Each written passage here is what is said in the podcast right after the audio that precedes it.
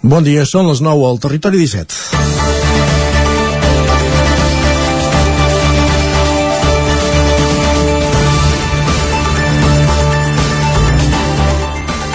seguido trabajando con el CNI hasta el último día, eh, hasta el día de Metellón, fíjese, eh, estuve grabando con ellos para intentar arreglar el entuerto del famoso atentado de, de, del imán de Ripoll, etcétera, etcétera, donde al final fue un, un error grave del señor San Roldán que, que calculó mal las consecuencias por darle un pequeño susto a Cataluña. Els atemptats del 17 d'agost van ser un error grave del senyor Sant Roldán que calculó mal las consecuencias por darle un pequeño susto a Catalunya. Sí, els atentats del 17 d'agost de 2017 a Barcelona i Cambrils, perpetrats per uns joves de Ripoll instigats per l'imam Abdelbaki Essati, que van provocar la mort de 16 persones. És la declaració ahir en un judici de l'excomissari José Manuel Villarejo. El més greu és que ja no sorprèn.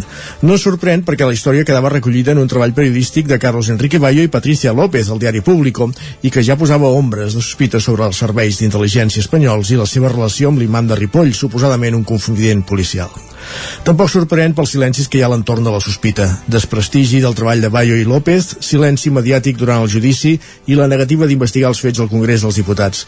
I silenci també avui. És cert que Villarejo es desacredita sol, però també ho és que quan convé omple portades i avui casualment no se'n fa cap esment a les portades dels diaris editats a Madrid. Tot plegat afegeix indignació. Avui en parlarem amb l'alcalde de Ripoll, Jordi Monell, que com a diputat va presidir la comissió d'investigació sobre els fets al Parlament i, i que considera que només hi ha dues solucions, que s'investigui i aflori la veritat o que surti el govern de l'Estat en ple a demanar perdó. Com ha dit aquest matí Jordi Basté, ja no es tracta d'independència, sinó d'humanitat. Comença el Territori 17, a la sintonia de la veu de Sant Joan, Ona Codinenca, Ràdio Cardedeu, Ràdio Vic, el 9 FM i el 9 TV. Territori 17, amb Isaac Moreno i Jordi Sunyer.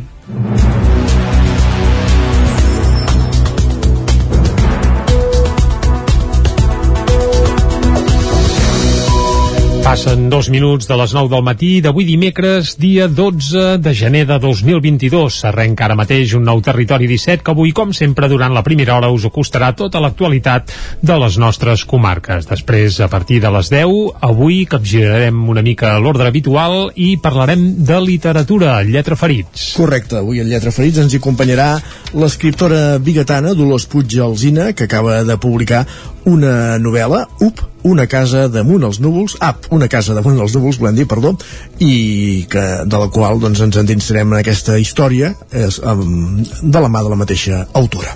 Molt bé, a dos quarts d'onze arribarà el moment de les piulades amb en Guillem Sánchez, recollirem què diuen les portades del 99.cat, passarem per la taula de redacció i després sí que conversarem en directe amb l'alcalde de Ripoll, oi? Amb Jordi Monell, sobre aquestes declaracions que esmentàvem a la portada, aquestes declaracions de José Manuel Villarejo i en un judici, i per motius d'agenda eh, no ens pot atendre abans, per tant ens atendrà a partir d'una mica abans de tres quarts d'onze l'alcalde de Ripoll, Jordi Monell, per parlar de, de, de tot plegat.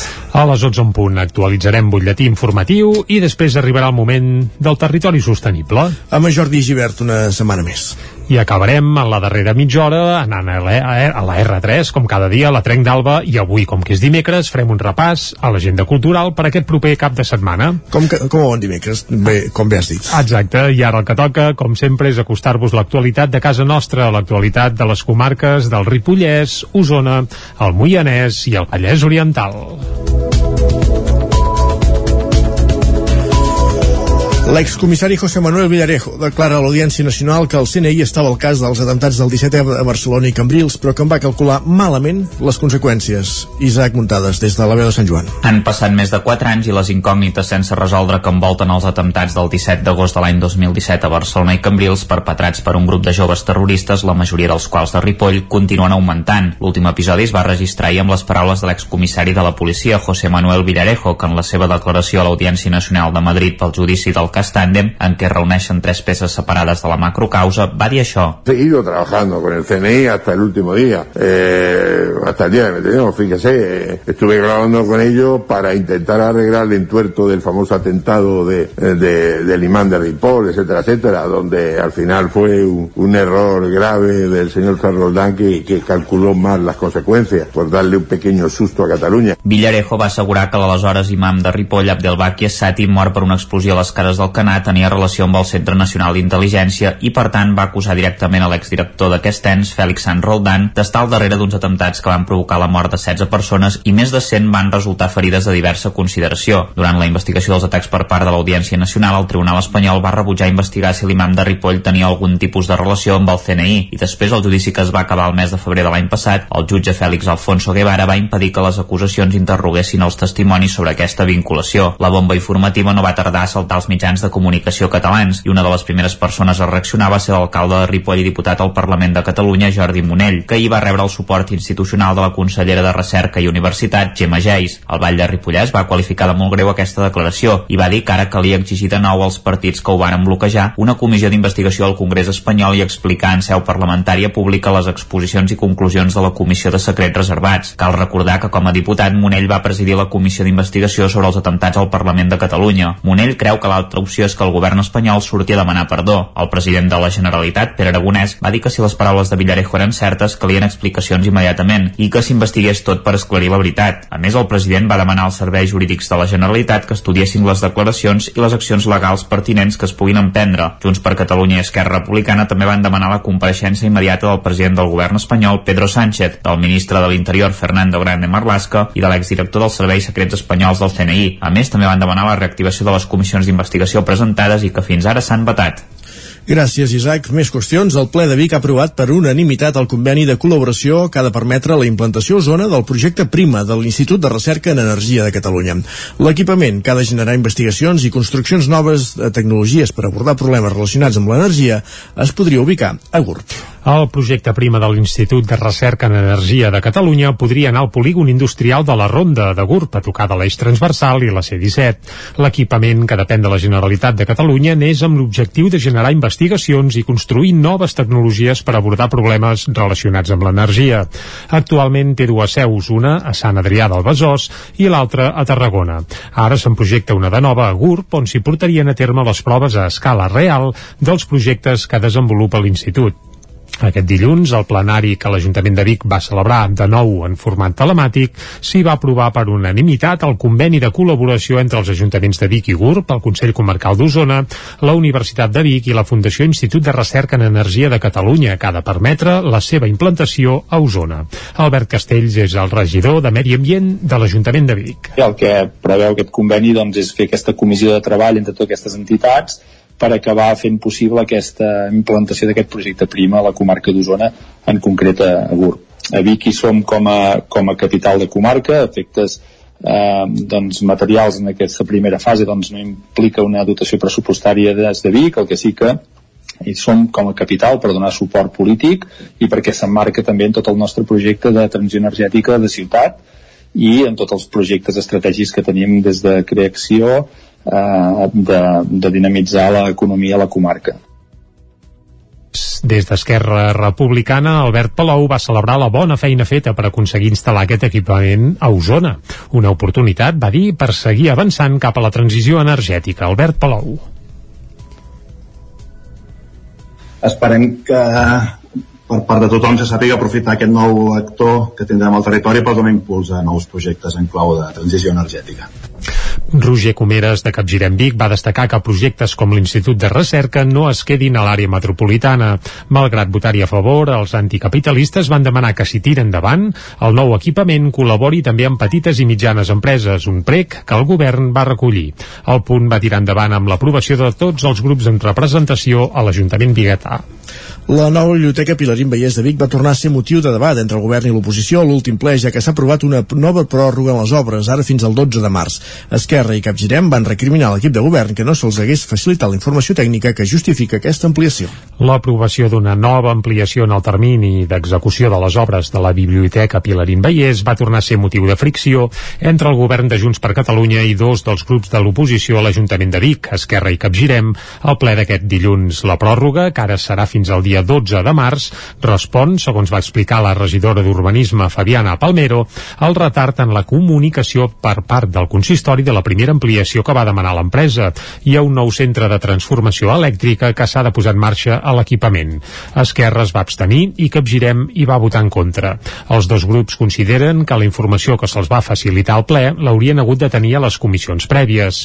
Escoltem per aquest ordre a Vicky Terri Cabres, d'Esquerra, Carla Dinarès, de Capgirem Vic i Fabiana Palmero, regidora d'Urbanisme de Vic insistim, la informació que vostè ens ha donat avui, que jo ja li he elogiat perquè m'ha semblat molt completa i m'ha semblat eh, molt bé, però hauríem agraït simplement fer constar això, que hauríem agraït que aquesta informació ens l'hagués donat, donat a, a, a la comissió on pertocava, que entenem que era la comissió d'urbanisme, juntament amb l'expedient que, insisteixo, tampoc estava penjat. És una obra eh, transcendental per aquesta ciutat, llavors si ens trobem que en dues comissions dues regidores diferents del govern no ens saben donar cap explicació, ens preocupa i ens preocupa bastant i ens genera una manca de confiança important i per això no podem fer res més que votar en contra. Era un tema tècnic, com deia la regidora Dinarès, i per això jo no estava en coneixement d'exactament quines havien estat les causes, però dir-vos que tot això està en la preacta del ple i està en, en la documentació que es penja en internet eh, uns dies abans del ple, també. Vull dir que eh, jo vaig explicar per sobre aquesta pròrroga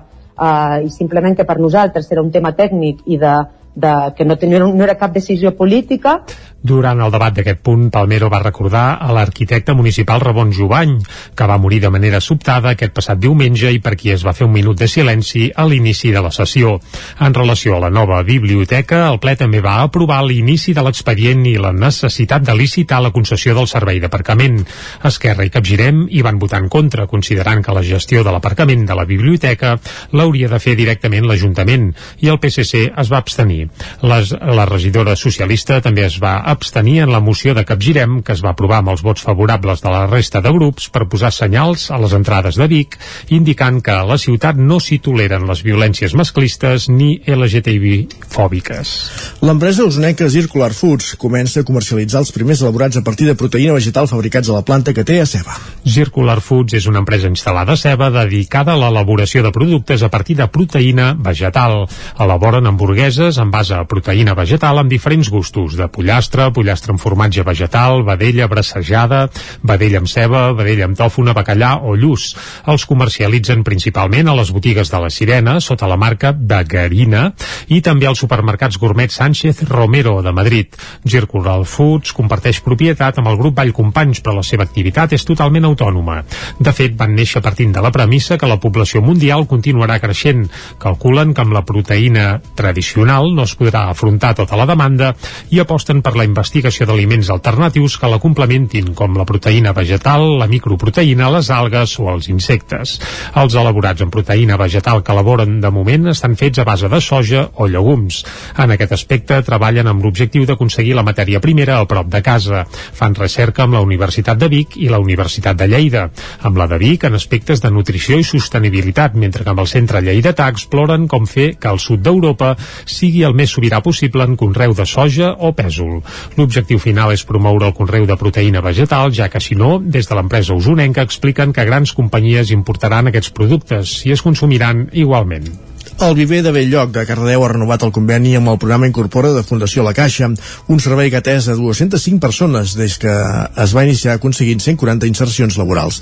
Núria Lázaro, de Ràdio Televisió Cardedeu. Aquest 2022 serà el tercer any que l'entitat d'inclusió laboral coordinarà un punt d'inserció dins la xarxa Incorpora. El servei de Fundació Viver de Belllloc atès 205 persones del Vallès Oriental des de que es va iniciar 126 d'elles al 2021 i s'han aconseguit un total de 140 insercions laborals. El programa Incorpora està destinat a col·lectius en risc d'exclusió i des de l'entitat es posa especial atenció a les persones amb discapacitat i trastorn de salut mental.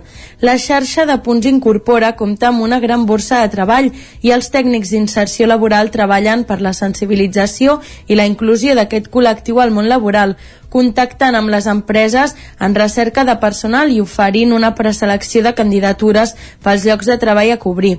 Alhora, amb les persones participants de la borsa ofereixen suport en l'anàlisi i recerca d'ofertes per trobar la que més encaixa amb cada perfil i acompanyen les persones candidates durant tot el procés, en la recerca, les possibles entrevistes i amb el seguiment un cop formalitzada la contractació.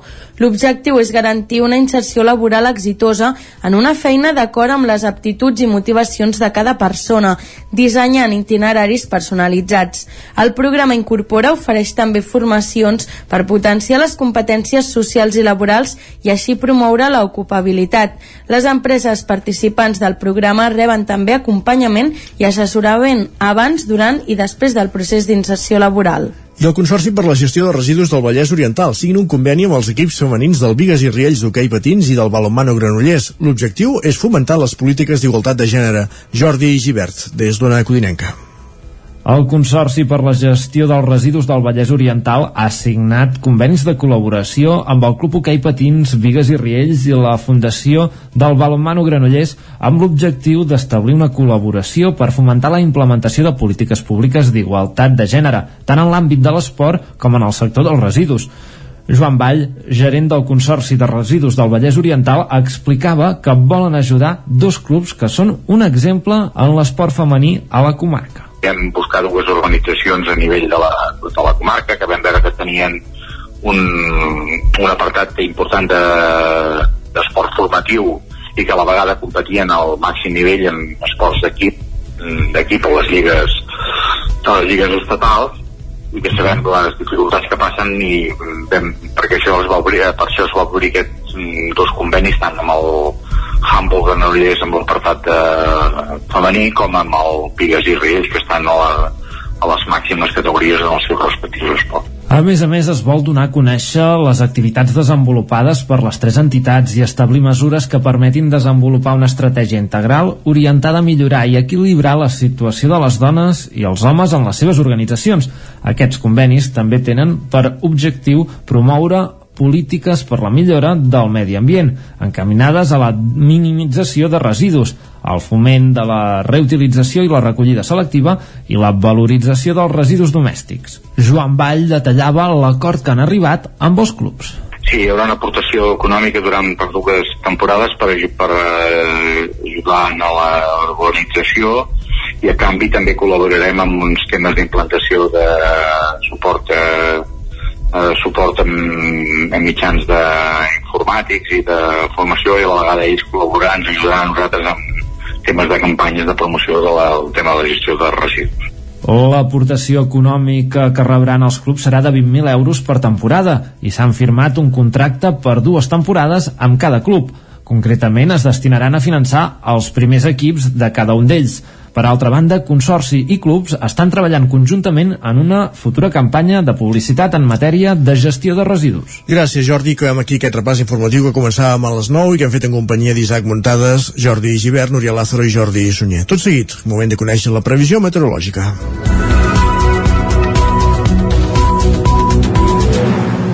I per fer un dia més el que fem és saludar en Pep Acosta.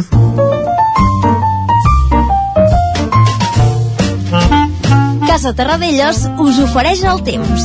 Un Pep Acosta pel qual crec que li venen dies d'ensupiment perquè no hi ha però vaja, almenys a curt sí, sí, termini no es preveuen tot, grans, grans canvis. Sí, Paraula sí. màgica anticicló, altre cop. Doncs va, uh, que ens ho expliqui ell amb tot detall. Per això, Pep, molt bon dia, va. Bon Hola, dia. bon dia, bon, bon dia. bon dia. I bona hora. Què tal esteu? Benvinguts. Gràcies. A l'espai del temps. Va avançant la setmana. I tant. Va avançant l'any i el temps sembla que no avanci, eh? Perquè és que tenim eh, un anticiclo enorme i que fa que eh, sigui molt, molt estable la situació meteorològica, molt monòtona, eh, molts pocs canvis, eh, molt, molt poca... Eh, molt poc moviment, molt poc moviment pel que fa a la meteorologia i és que aquest enorme anticicló eh, no només fa que hi hagi tranquil·litat a casa nostra, a les comarques, eh, a Catalunya, a tota la península, i també a tota l'Europa occidental. És un anticicló enorme, molt gran, molt gran, molt gran, que està situat a les Illes Britàniques i que el seu centre, el seu centre, perdó, està a les Illes Britàniques i que la seva influència arriba a tota Europa Occidental eh? és, és, és enorme i de moment està molt ferm i no es mourà d'aquí en els pròxims dies Um, què podem dir del dia d'avui? Què podem dir? Doncs que ens llevem amb unes temperatures uh, normals per l'època de l'any. Poder una mica més altes, el que hauria de ser. Uh, hi ha poques glaçades, uh, també és dolent això. I tant. Hauria de glaçar més, és bo que glaci mm, pel camp, uh, pels animals, per tot és bo que glaci i aquest any està glaçant poc, eh? Molt poc, eh? i això també són no són bones notícies, són males notícies eh, que no hi ha manera tampoc que glaci gaire, és que no no, no anem bé, no anem bé no estem bé, no estem bé i, i no, no no, no sé ja què dir perquè no hi ha en els pocs dies no hi ha uns canvis importants i seguirem aquesta tònica eh, de, de poques glaçades, de poca pluja de molt anticicló i com deia, hi ha poques glaçades, només glaça a les zones altes del Pirineu, però valors de 1, 2, 3 sota 0, no són glaçades molt, molt importants. A la majoria de les poblacions, a les comarques, la temperatura mínima ha estat entre el 0 i els 5 graus. Durant el dia, eh, molt de sol, excepte a les zones amb boira. Eh, la plana del Vallès, la plana de Vic, hi pot haver aquestes boires, eh, que no seran encara persistents, que no, no duraran tot el dia, però sí que a primera hora del matí eh, poden ser presents. Després, després el sol els escalfarà i farà desaparèixer aquestes boires. Les temperatures màximes, la majoria entre els 10 i els 15 graus. Encara no hi haurà aquelles boires que no té un congelador, mm -hmm. encara no seran eh, molt, molt presents durant tot el dia i farà que les nostres comarques, les nostres poblacions, eh, de cada migdia, primers, primers hores de la tarda, ara que el dia ja es va allargant, la temperatura encara sigui una mica suau, eh, d'això, entre dels 10 i els 15 graus de màxima. Molt de sol i vents molt febles, eh, com deia, poc, poc moviment. I això és tot, amics oients, eh, ens veiem, ens escoltem demà, perdó, eh, però ja aviso que molt poca cosa canviarà i més o menys el temps serà igual durant força, força dies. Ja ho anirem parlant. Moltes gràcies, adeu. Vinga, gràcies a tu, Pep, i no t'esperem pas demà, sinó que a les 10 et tornem, tornem a connectar amb tu per veure si hi ha novetats amb el tema meteorològic. Tanquem aquí el bloc del temps i, Isaac, anem ara a mirar què diuen les portades de la premsa d'avui. Casa Tarradellas us ha ofert aquest espai. Doncs sí, és moment de mirar què diuen les portades d'avui i també què no diuen. Exacte, com bé has apuntat a l'inici del programa, hi ha portades que s'editen a Catalunya que parlen d'unes coses i les de Madrid doncs d'unes altres i avui es posa més de manifest que mai. Comencem pel punt avui, que avui han tingut problemes a l'hora d'imprimir el diari i van molt tard, però, però bé, Uh, hem trobat la portada i parlen de toc de queda en retirada. El govern veu a prop el pic de la sisena onada i preveu que si no es torça la desacceleració que auguren les dades, el confinament nocturn es podria aixecar el 21 de gener. El titular principal, però, és per Villarejo. Villarejo declara al jutge que l'Estat va promoure el 17A L'excomissari implica directament el CNI en els atentats de Barcelona i Cambrils i assegura que es volia donar, obrim cometes, un petit ensurt eh, és esgarrifós, però vaja, és ben bé que sí, no entrem a definir-ho, cadascú que ho defineixi sí, com vulgui, i on anirem és cap a l'ara per mirar què diuen a la portada. Les baixes laborals i els símptomes lleus col·lapsen els centres d'atenció primària. Aquest és el titular principal del diari Ara, tot i que la fotografia principal és per Villarejo. Eh, el CNI volia donar, obrim cometes, un petit ensurt a Catalunya, tancar cometes. Així és com apareix la cita de Villarejo a la portada del diari Ara. També apareix Carme, ai, no, no Carme, sinó Àngels Chacón, que hi va presentar aquest nou partit Centrem i ell explica que a Centrem no som hereus de Convergència, sinó que som més que això. Uh, ja veurem què acaba passant amb aquest nou partit on, per cert, de moment no hi ha Artur Mas, per exemple. Mm -hmm. Més de fet, portades. De fet, la Chacón continua, manté la doble militància amb el PDeCAT, eh? Sí, és que això és, és, és complicat, eh? Costa d'entendre, suposo que quan arribin, ara com que en teoria fins a les municipals del 2023 no hi hauria d'haver nova cita electoral, doncs poden anar apareixent invents i altres... Bé, ho anirem seguint, evidentment. Anem al periòdico, va.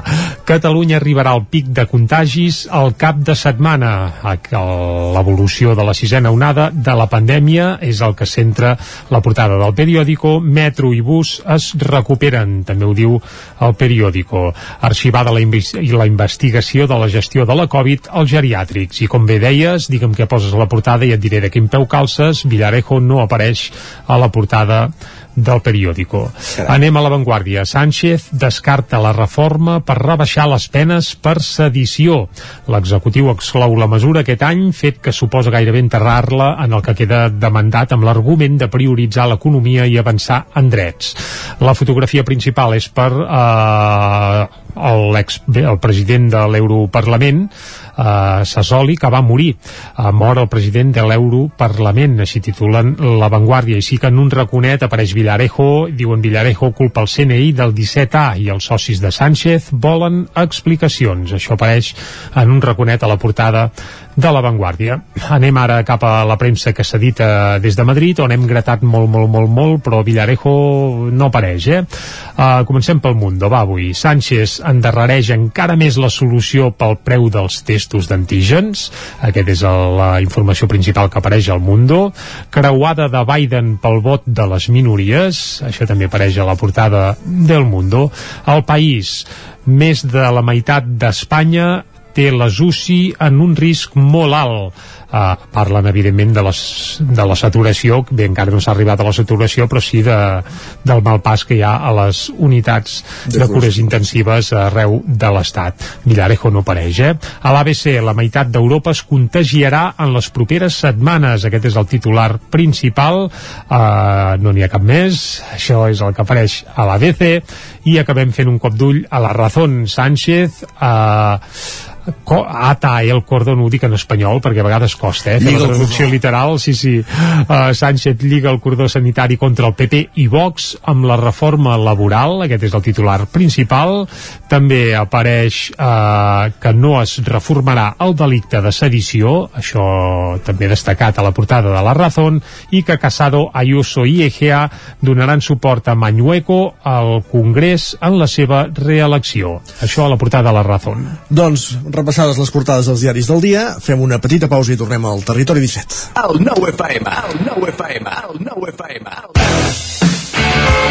Vine a Autoscola Montseny. Ara és el moment de fer els cursos de teòrica intensius, ràpid i eficaç. T'informarem dels packs, permís de moto de 16 i 18 anys i permís de cotxe. I si vens a veure'ns, tindràs un obsequi. Apunta't i no t'ho pensis més. Per més informació, Autoscola Montseny, Rambla de Vallades, número 13 de Vic. Busca'ns a Instagram i Facebook.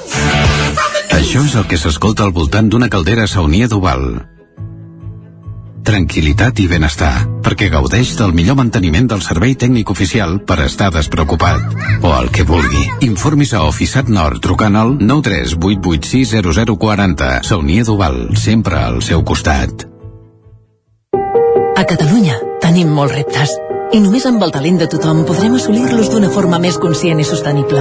És l'hora que construïm un futur millor, més just i respectuós amb el planeta. És l'hora que entre tothom fem la Catalunya que volem. Fem-ho bé, fem-ho tot, fem-ho possible. Generalitat de Catalunya.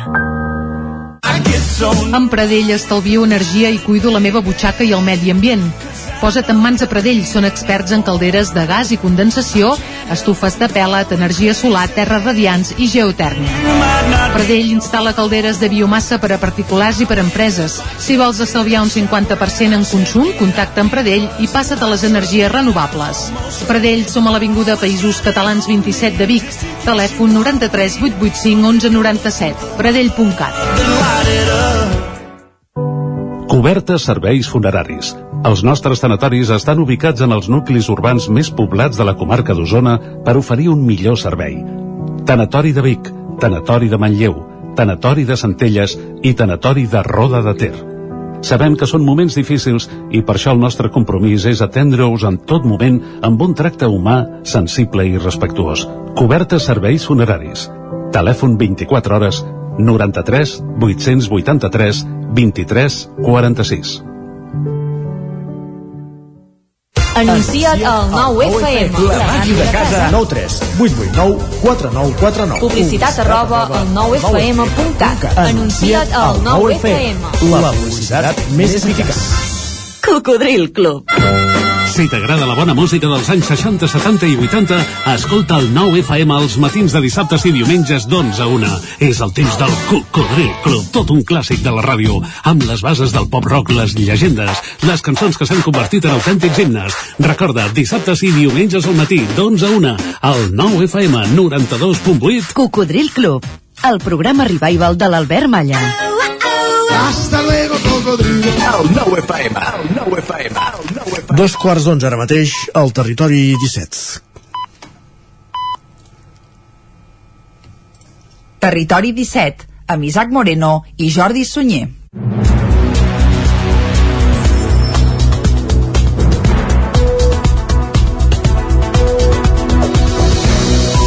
Doncs a dos quarts, no pas d'onze, sinó de deu, en punt del matí d'avui, dimecres, dia 12 de gener de 2022. El que farem és de seguida acostar-vos de nou tota l'actualitat de les nostres comarques. Abans de les 10 hi posarem música. Avui, Isaac, un clàssic, gairebé diria que mundial, Dels anys però, 80, avui sí, dels anys anem molt 80, enrere, però que s'ha regravat. És Ah, a dir, hi ha un grup històric d'aquests, home, Dels que anys no ha set 80. mai una patum d'aquestes complien camps de futbol, però bé, déu nhi Brighton 64, amb un parell de músics de Territori 17, per cert, que després descobrirem qui són, i resulta que els Brighton 64 aquest any celebren no 64 anys, sinó 40, i per fer-ho editaran un nou disc recopilatori on regravaran alguns dels seus grans èxits. La Casa de la Bomba. La Casa de la Bomba la regravaran i diuen que en deixaran la versió definitiva. I una altra peça emblemàtica de la banda és En mi ciutat, és la que escoltarem abans de les 10 en el que diuen que és eh, la versió també definitiva que ja deixaran per la posteritat. Avui l'estrenarem en exclusiva aquí a Territori 17. Va, més coses. Després a les 10 actualitzarem butlletí informatiu i vindrà el Lletra Ferits, oi? Correcte, avui com dèiem amb l'escriptora biguetana Dolors Puigalzina parlant de la seva nova novel·la. Més coses, dos quarts d'onze piulades, després passarem per la taula de redacció i anirem després cap a Ripoll. Exacte, parlarem amb el seu alcalde, en Jordi Monell, també diputat de Junts al Parlament, sobre aquestes declaracions que comentàvem al principi del programa d'ahir en seu judicial de José Manuel Villarejo, parlant de, de l'atemptat de, de Ripoll, que se'ls va anar a les mans, que només havia de ser un ensurt a Catalunya. És que és terrible. Anem, a, seguim, seguim repassant l'agenda. Sí, sí, sí, és que si t'ho expliquen en una pel·lícula no t'ho creus i resulta que és real. Bé, a les 11 el que sí que serà ben real és que tornarem amb el butlletí informatiu i després parlarem de calçots amb en Jordi Givert. Correcte, el territori sostenible, la secció que ens porta cada setmana des d'Ona Codinenca. S'acosta la temporada de les calçotades i això eh, en alguns ens fa especialment feliços. Va, i acabarem el programa Jo ja he menjat truites de calçots aquests dies, eh? Ah, sí? Sí, sí, sí. Ah, doncs bé, jo tinc pendent fer alguna calçotada ja, eh? Uh, tant de bo la Covid ens en deixi fer de les d'abans. Uh, esperem que d'aquí unes setmanes, aviam, aviam com anirà tot plegat. Va, seguim repassant què farem fins al punt de les 12, doncs a dos quarts arribarà la R3 a la Trenc d'Alba i acabarem, com tots els dimecres, fent un repàs a l'agenda cultural per aquest proper cap de setmana. Abans, però, posem-nos al dia. Exacte, ara el que toca és repassar de nou tota l'actualitat de casa nostra, l'actualitat de les comarques del Ripollès, Osona, el Moianès i el Vallès Oriental. L'excomissari José Manuel Villarejo declara a l'Audiència Nacional que el CNI estava al cas dels atemptats del 17 a Barcelona i Cambrils, però que en va calcular malament les conseqüències.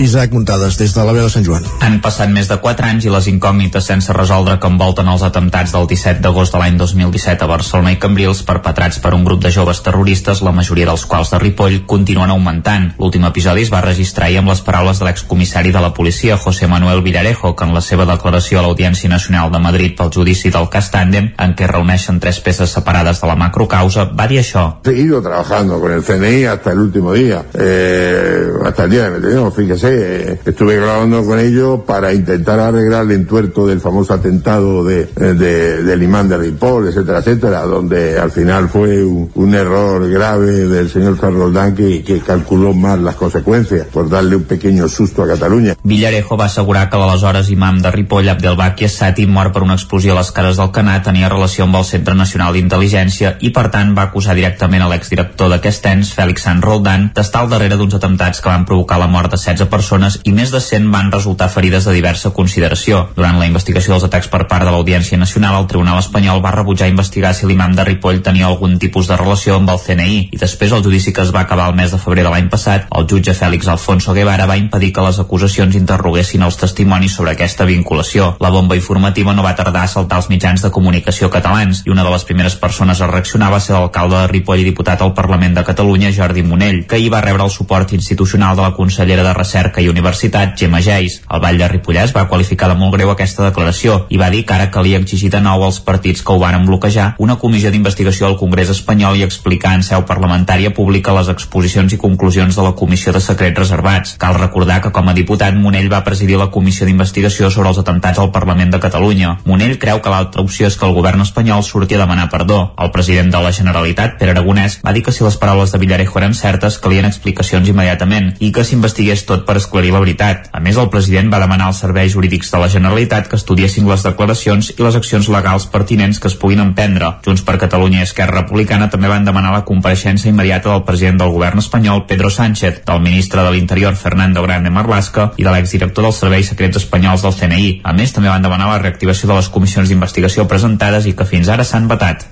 Gràcies, Isaac. Més qüestions. El ple de Vic ha aprovat per unanimitat el conveni de col·laboració que ha de permetre la implantació a zona del projecte Prima de l'Institut de Recerca en Energia de Catalunya. L'equipament que ha de generar investigacions i construccions noves de tecnologies per abordar problemes relacionats amb l'energia es podria ubicar a Gurb. El projecte Prima de l'Institut de Recerca en Energia de Catalunya podria anar al polígon industrial de la Ronda de Gurb a tocar de l'eix transversal i la C-17. L'equipament, que depèn de la Generalitat de Catalunya, neix amb l'objectiu de generar investigacions i construir noves tecnologies per abordar problemes relacionats amb l'energia.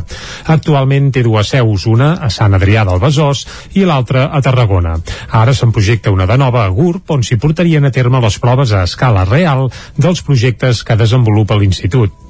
Aquest dilluns, el plenari que l'Ajuntament de Vic va celebrar de nou en format telemàtic, s'hi va aprovar per unanimitat el conveni de col·laboració entre els ajuntaments de Vic i Gurb, el Consell Comarcal d'Osona, la Universitat de Vic i la Fundació Institut de Recerca en Energia de Catalunya, que ha de permetre la seva implantació a Osona. Albert Castells és el regidor de Medi Ambient de l'Ajuntament de Vic. El que preveu aquest conveni doncs, és fer aquesta comissió de treball entre totes aquestes entitats per acabar fent possible aquesta implantació d'aquest projecte Prima a la comarca d'Osona, en concret a Gurb. A Vic hi som com a, com a capital de comarca, efectes eh, doncs, materials en aquesta primera fase doncs, no implica una dotació pressupostària des de Vic, el que sí que i som com a capital per donar suport polític i perquè s'emmarca també en tot el nostre projecte de transició energètica de ciutat i en tots els projectes estratègics que tenim des de creació eh, de, de dinamitzar l'economia a la comarca. Des d'Esquerra Republicana, Albert Palou va celebrar la bona feina feta per aconseguir instal·lar aquest equipament a Osona. Una oportunitat, va dir, per seguir avançant cap a la transició energètica. Albert Palou. Esperem que per part de tothom se sàpiga aprofitar aquest nou actor que tindrem al territori per donar impuls a nous projectes en clau de transició energètica. Roger Comeres de Capgirem Vic va destacar que projectes com l'Institut de Recerca no es quedin a l'àrea metropolitana. Malgrat votar-hi a favor, els anticapitalistes van demanar que si tira endavant, el nou equipament col·labori també amb petites i mitjanes empreses, un prec que el govern va recollir. El punt va tirar endavant amb l'aprovació de tots els grups en representació a l'Ajuntament Biguetà. La nova biblioteca Pilarín Vallès de Vic va tornar a ser motiu de debat entre el govern i l'oposició a l'últim ple, ja que s'ha aprovat una nova pròrroga en les obres, ara fins al 12 de març. Esquerra Esquerra i Capgirem van recriminar l'equip de govern que no se'ls hagués facilitat la informació tècnica que justifica aquesta ampliació.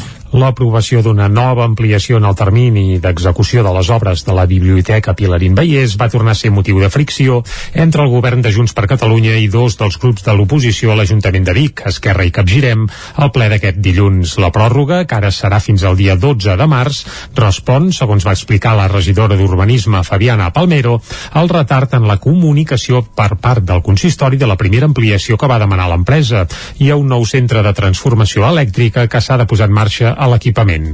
Esquerra es va abstenir i Capgirem hi va votar en contra. Els dos grups consideren que la informació que se'ls va facilitar al ple l'haurien hagut de tenir a les comissions prèvies.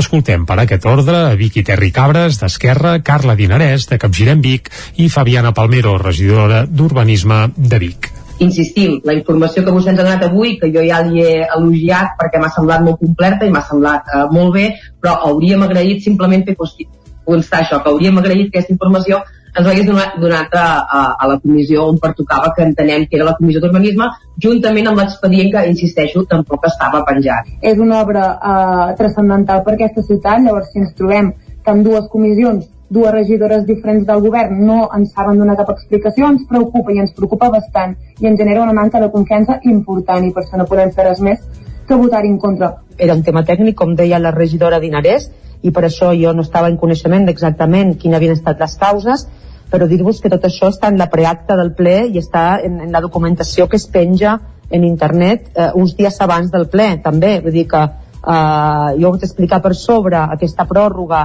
eh, i simplement que per nosaltres era un tema tècnic i de, de, que no, tenia, no era cap decisió política durant el debat d'aquest punt, Palmero va recordar a l'arquitecte municipal Ramon Jovany, que va morir de manera sobtada aquest passat diumenge i per qui es va fer un minut de silenci a l'inici de la sessió.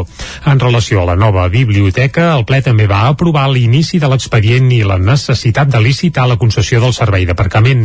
Esquerra i Capgirem hi van votar en contra, considerant que la gestió de l'aparcament de la biblioteca l'hauria de fer directament l'Ajuntament, i el PSC es va abstenir. Les, la regidora socialista també es va abstenir en la moció de Capgirem que es va aprovar amb els vots favorables de la resta de grups per posar senyals a les entrades de Vic indicant que a la ciutat no s'hi toleren les violències masclistes ni LGTBI-fòbiques. L'empresa usonenca Circular Foods comença a comercialitzar els primers elaborats a partir de proteïna vegetal fabricats a la planta que té a Ceba. Circular Foods és una empresa instal·lada a Ceba dedicada a l'elaboració de productes a partir de proteïna vegetal. Elaboren hamburgueses en base a proteïna vegetal amb diferents gustos, de pollastre, pollastre, amb formatge vegetal, vedella brassejada, vedella amb ceba, vedella amb tòfona, bacallà o lluç. Els comercialitzen principalment a les botigues de la Sirena, sota la marca Bagarina, i també als supermercats gourmet Sánchez Romero de Madrid. Circular Foods comparteix propietat amb el grup Vall Companys, però la seva activitat és totalment autònoma. De fet, van néixer partint de la premissa que la població mundial continuarà creixent. Calculen que amb la proteïna tradicional no es podrà afrontar tota la demanda i aposten per la investigació d'aliments alternatius que la complementin, com la proteïna vegetal, la microproteïna, les algues o els insectes. Els elaborats en proteïna vegetal que elaboren de moment estan fets a base de soja o llegums. En aquest aspecte treballen amb l'objectiu d'aconseguir la matèria primera a prop de casa. Fan recerca amb la Universitat de Vic i la Universitat de Lleida. Amb la de Vic en aspectes de nutrició i sostenibilitat, mentre que amb el centre lleidatà exploren com fer que el sud d'Europa sigui el més sobirà possible en conreu de soja o pèsol. L'objectiu final és promoure el conreu de proteïna vegetal, ja que si no, des de l'empresa usonenca expliquen que grans companyies importaran aquests productes i es consumiran igualment. El viver de Belllloc de Cardedeu ha renovat el conveni amb el programa Incorpora de Fundació La Caixa, un servei que atès a 205 persones des que es va iniciar aconseguint 140 insercions laborals. Núria Lázaro, de Ràdio Televisió Cardedeu. Aquest 2022 serà el tercer any que l'entitat d'inclusió laboral coordinarà un punt d'inserció dins la xarxa Incorpora. El servei de Fundació Viver de Belllloc ha atès 205 persones del Vallès Oriental des de que es va iniciar 126 d'elles al 2021 i s'han aconseguit aconseguit un total de 140 insercions laborals. El programa Incorpora està destinat a col·lectius en risc d'exclusió i des de l'entitat es posa especial atenció a les persones amb discapacitat i trastorn de salut mental. La xarxa de punts Incorpora compta amb una gran borsa de treball i els tècnics d'inserció laboral treballen per la sensibilització i la inclusió d'aquest col·lectiu al món laboral, contactant amb les empreses en recerca de personal i oferint una preselecció de candidatures pels llocs de treball a cobrir. Alhora, amb les persones participants de la borsa ofereixen suport en l'anàlisi i recerca d'ofertes per trobar la que més encaixa amb cada perfil i acompanyen les persones candidates durant tot el procés, en la recerca, les possibles entrevistes i amb el seguiment un cop formalitzada la contractació. L'objectiu és garantir una inserció laboral exitosa en una feina d'acord amb les aptituds i motivacions de cada persona, dissenyant itineraris personalitzats. El programa Incorpora ofereix també formacions per potenciar les competències socials i laborals i així promoure l'ocupabilitat. Les empreses participants del programa reben també acompanyament i assessorament abans, durant i després del procés d'inserció laboral. I el Consorci per la Gestió de Residus del Vallès Oriental signa un conveni amb els equips femenins del Vigues i Riells d'hoquei patins i del balonmano Granollers. L'objectiu és fomentar les polítiques d'igualtat de gènere. Jordi Givert, des d'Ona Codinenca. El Consorci per la Gestió dels Residus del Vallès Oriental ha signat convenis de col·laboració amb el Club Hoquei Patins, Vigues i Riells i la Fundació del Balonmano Granollers amb l'objectiu d'establir una col·laboració per fomentar la implementació de polítiques públiques d'igualtat de gènere, tant en l'àmbit de l'esport com en el sector dels residus.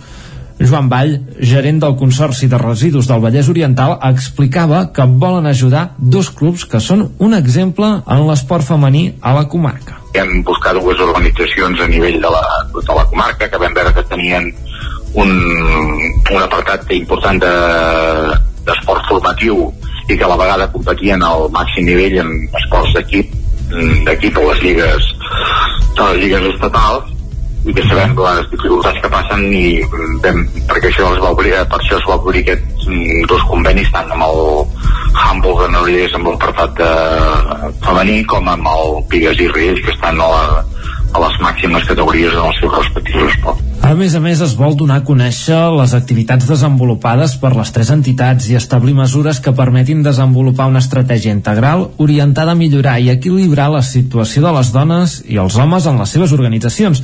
Aquests convenis també tenen per objectiu promoure polítiques per la millora del medi ambient, encaminades a la minimització de residus, al foment de la reutilització i la recollida selectiva i la valorització dels residus domèstics. Joan Vall detallava l'acord que han arribat amb els clubs. Sí, hi haurà una aportació econòmica durant per dues temporades per, per eh, ajudar a l'organització i a canvi també col·laborarem amb uns temes d'implantació de suport a, a suport amb, amb mitjans de informàtics i de formació i a la vegada ells col·laborant, ajudaran a nosaltres amb temes de campanyes de promoció del de tema de la gestió de residus.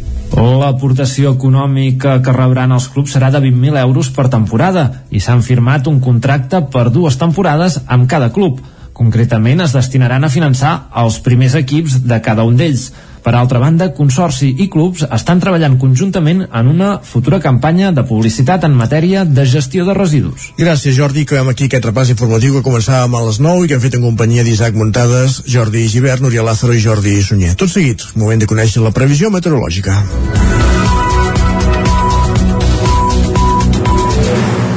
I per fer un dia més el que fem és saludar en Pep Acosta.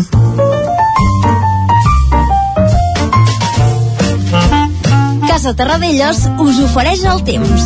Un Pep Acosta pel qual crec que li venen dies d'ensupiment perquè no hi ha però vaja, almenys a curt Sí, sí, termini també no es preveuen Botella. grans, grans canvis. Sí, Paraula sí. màgica anticicló altre cop. Doncs va, uh, que ens ho expliqui ell amb tot detall. Per això, Pep, molt bon dia, va. Bon Hola, dia, bon dia, bon molt dia. bon dia. I bona hora. Què tal esteu?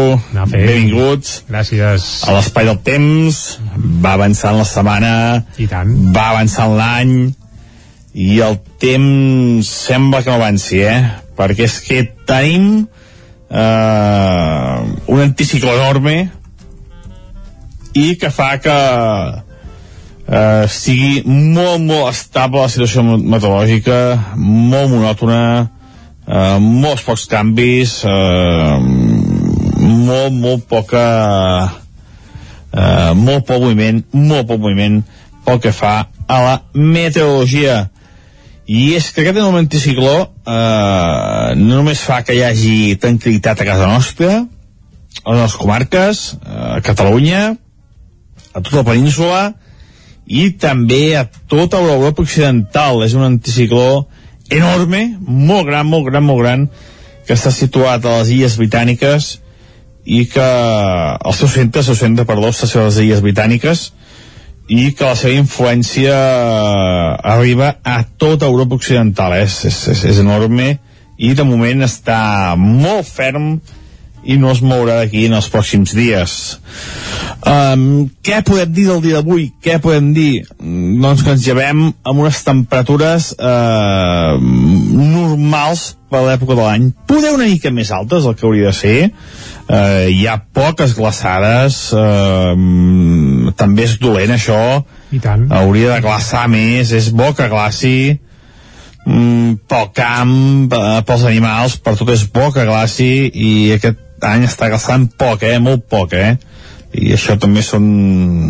no són bones notícies, són males notícies eh, que no hi ha manera tampoc que glaci gaire, eh? és que no... no no anem bé, no anem bé, no estem bé no estem bé i, i no, no, no, no sé ja què dir perquè no hi ha en els pocs dies no hi ha uns canvis importants i seguirem aquesta tònica eh, de, de poques glaçades, de poca pluja de molt anticicló. I com deia, hi ha poques glaçades, només glaça a les zones altes del Pirineu, però valors de 1, 2, 3 sota 0, no són glaçades molt, molt importants. A la majoria de les poblacions, a les comarques, la temperatura mínima ha estat entre el 0 i els 5 graus. Durant el dia, eh, molt de sol, excepte a les zones amb boira. Eh, a la Plana del Vallès, a la Plana de Vic, hi pot haver aquestes boires, eh, que no seran encara persistents, que no, duraran tot el dia, però sí que a primera hora del matí eh, poden ser presents. Després, després el sol els escalfarà i farà desaparèixer aquestes boires. Les temperatures màximes, la majoria entre els 10 i els 15 graus. Encara no hi haurà aquelles boires que no té un congelador, mm -hmm. encara no seran eh, molt, molt presents durant tot el dia i farà que les nostres comarques, les nostres poblacions, eh, de cara a migdia, primers, primers hores de la tarda, ara que el dia ja es va allargant, la temperatura encara sigui una mica suau, eh, d'això, entre dels 10 i els 15 graus de màxima. Molt de sol i vents molt febles, eh, com deia, poc, poc moviment. I això és tot, amics oients, eh, ens veiem, ens escoltem demà, perdó, eh, però ja aviso que molt poca cosa canviarà i més o menys el temps serà igual durant força, força dies. Ja ho anirem parlant. Moltes gràcies, adeu. Vinga, gràcies a tu, Pep, i no t'esperem pas demà, sinó que a les 10 et tornem, tornem a connectar amb tu per veure si hi ha novetats amb el tema meteorològic. Tanquem aquí el bloc del temps i, Isaac, anem ara a mirar què diuen les portades de la premsa d'avui. Casa Tarradellas us ha ofert aquest espai. Doncs sí, és moment de mirar què diuen les portades d'avui i també què no diuen. Exacte, com bé has apuntat a l'inici del programa, hi ha portades que s'editen a Catalunya que parlen d'unes coses i les de Madrid doncs d'unes altres i avui es posa més de manifest que mai. Comencem pel punt avui, que avui han tingut problemes a l'hora d'imprimir el diari i van molt tard, però, però bé, uh, hem trobat la portada i parlen de toc de queda en retirada. El govern veu a prop el pic de la sisena onada i preveu que si no es torça la desacceleració que auguren les dades, el confinament nocturn es podria aixecar. El 21 de gener. El titular principal, però, és per Villarejo. Villarejo declara al jutge que l'Estat va promoure el 17A Uh, L'excomissari implica directament el CNI en els atemptats de Barcelona i Cambrils i assegura que es volia donar, obrim cometes, un petit ensurt. Uh, és esgarrifós, però vaja, és ben bé que sí, no entrem a definir-ho, cadascú que ho defineixi sí, com vulgui, i on anirem és cap a l'ara per mirar què diuen a la portada. Les baixes laborals i els símptomes lleus col·lapsen als centres d'atenció primària. Aquest és el titular principal del diari Ara, tot i que la fotografia principal és per Villarejo eh, el CNI volia donar, obrim cometes, un petit ensurt a Catalunya, tancar cometes. Així és com apareix la cita de Villarejo a la portada del diari Ara. També apareix Carme, ai, no, no Carme, sinó Àngels Chacón, que hi va presentar aquest nou partit Centrem, i ell explica que a Centrem no som hereus de Convergència, sinó que som més que això. Uh, ja veurem què acaba passant amb aquest nou partit on per cert de moment no hi ha Artur Mas per exemple. Més de fet, portades. De fet, la Chacón continua, manté la doble militància amb el PDeCAT, eh? Sí, és que això és, és, és complicat, eh? Costa d'entendre, suposo que quan arribin, ara com que en teoria fins a les municipals del 2023 no hi hauria d'haver nova cita electoral, doncs poden anar apareixent invents i altres... Bé, ho anirem seguint, evidentment. Anem al periòdico, va. Catalunya arribarà al pic de contagis al cap de setmana. L'evolució de la sisena onada de la pandèmia és el que centra la portada del periòdico. Metro i bus es recuperen, també ho diu el periòdico. Arxivada la, i la investigació de la gestió de la Covid als geriàtrics. I com bé deies, digue'm què poses a la portada i et diré de quin peu calces, Villarejo no apareix a la portada del periòdico. Anem a l'avantguàrdia. Sánchez descarta la reforma per rebaixar les penes per sedició. L'executiu exclou la mesura aquest any, fet que suposa gairebé enterrar-la en el que queda demandat amb l'argument de prioritzar l'economia i avançar en drets. La fotografia principal és per eh, eh, l'ex, el president de l'Europarlament eh, Sassoli, que va morir eh, mort el president de l'Europarlament així titulen La Vanguardia així que en un raconet apareix Villarejo diuen Villarejo culpa el CNI del 17A i els socis de Sánchez volen explicacions, això apareix en un raconet a la portada de La Vanguardia. Anem ara cap a la premsa que s'edita des de Madrid on hem gratat molt, molt, molt, molt però Villarejo no apareix, eh? Uh, comencem pel Mundo, va avui. Sánchez endarrereix encara més la solució pel preu dels testos d'antígens. Aquest és la informació principal que apareix al Mundo. Creuada de Biden pel vot de les minories. Això també apareix a la portada del Mundo. El País, més de la meitat d'Espanya té les UCI en un risc molt alt Uh, parlen evidentment de, les, de la saturació, bé, encara no s'ha arribat a la saturació, però sí de, del mal pas que hi ha a les unitats de, de cures intensives arreu de l'Estat. Villarejo no apareix, eh? A l'ABC, la meitat d'Europa es contagiarà en les properes setmanes. Aquest és el titular principal. Uh, no n'hi ha cap més. Això és el que apareix a l'ABC. I acabem fent un cop d'ull a la Razón Sánchez. Uh, ata el cordón, ho dic en espanyol, perquè a vegades costa, eh? Lliga la traducció literal, sí, sí. Uh, Sánchez lliga el cordó sanitari contra el PP i Vox amb la reforma laboral, aquest és el titular principal. També apareix uh, que no es reformarà el delicte de sedició, això també destacat a la portada de la Razón, i que Casado, Ayuso i Egea donaran suport a Mañueco al Congrés en la seva reelecció. Això a la portada de la Razón. Doncs repassades les portades, moment d'endolcir una mica amb música, que sempre és més plaent. I tant, i tant que sí, i més avui, bé, sempre, eh? però avui que portem un clàssic d'aquells que, bé, que posats al dia, doncs la veritat és que baixen molt bé. Ja ho hem avançat abans, escoltarem el més nou de Brighton 64, aquesta mítica formació de rock i mot eh, de Barcelona, però que resulta que té dos músics ara mateix doncs, eh, nostres, de Territori 17 eh? Ari Carrera és el bateria ara mateix va agafar el relleu a Tino Peralbo un tarradonenc que és que llunes il·lustre també doncs bé, Ari Carrera és el bateria dels actuals Brighton i Ricky Gil, que viu a la Garriga ja fa uns quants anys, doncs és la veu i guitarra d'aquesta mítica formació amb els dos germans Gil al peu del canó, el Ricky el, i l'Albert. El, el tio em va cagar un llibre traduït per Enrique Gil.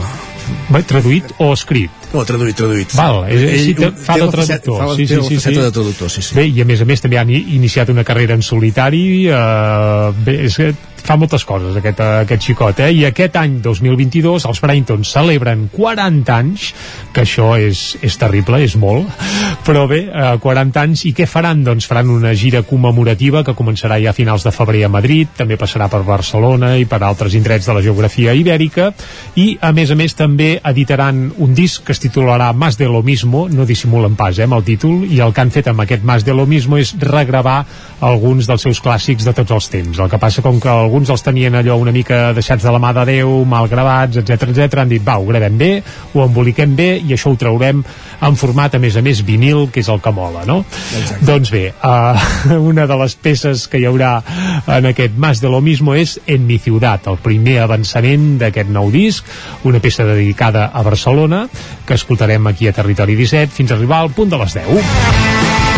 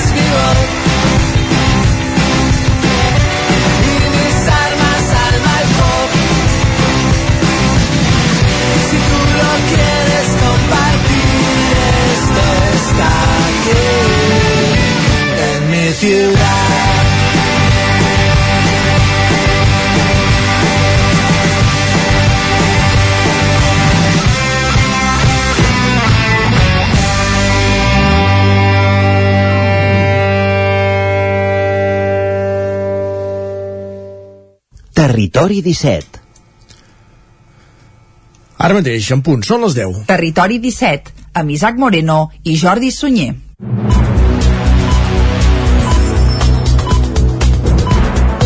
És el Moianès, el Vallès Oriental i Osona en connexió amb les diferents emissores que cada dia fem possible aquest programa. Ona Codinenca, Ràdio Televisió Cardedeu, La Veu de Sant Joan, Ràdio Vic, el 9 FM i el 9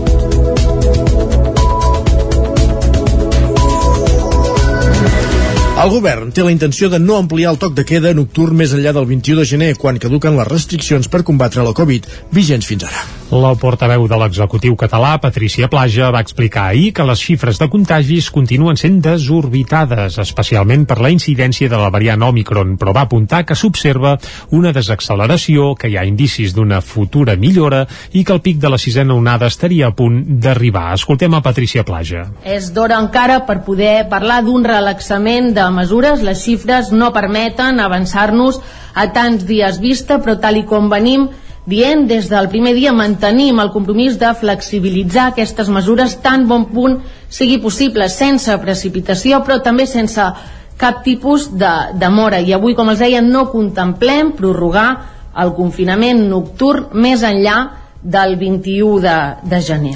Si les dades epidemiològiques no pugen més, es mantenen o baixen, doncs el govern no demanarà prorrogar el toc de queda més enllà del dia 21 de gener. Un toc de queda que actualment és vigent de la 1 a les 6 del matí en ciutats de més de 10.000 habitants. Les altres mesures restrictives, però, continuarien vigents. La següent en caure podria ser la prohibició de reunions de més de 10 persones, però de moment sense data. Els Mossos d'Esquadra han detingut el conductor que va perdre la càrrega diumenge al vespre a la C-25, l'eix transversal, en terme de Gurb. Us en vam informar abans d'ahir d'aquest accident i resulta que l'home de Portugal i de 60 anys quintuplicava la taxa d'alcoholèmia. Segons els Mossos, en la prova va marcar 0,83 mil·ligrams per litre, mentre que el límit en els conductors professionals és de 0,115 mil·ligrams. Se l'acusa d'un delicte contra la seguretat en el trànsit per conduir sota els efectes de l'alcohol i també se'l va denunciar administrativament per no portar la càrrega ben lligada. El vehicle va punxar la roda i la càrrega, formada per palets i paper, va quedar escampada per tota la carretera que va estar tallada al trànsit durant una hora i mitja. I a Set Cases, al Ripollès, mmm, l'oposició, encapçalada per Joan Casadevall, presenta la segona moció de censura en poc més de 4 anys per fer fora l'alcaldessa Anna Vila. Isaac Muntades, des de la veu de Sant Joan.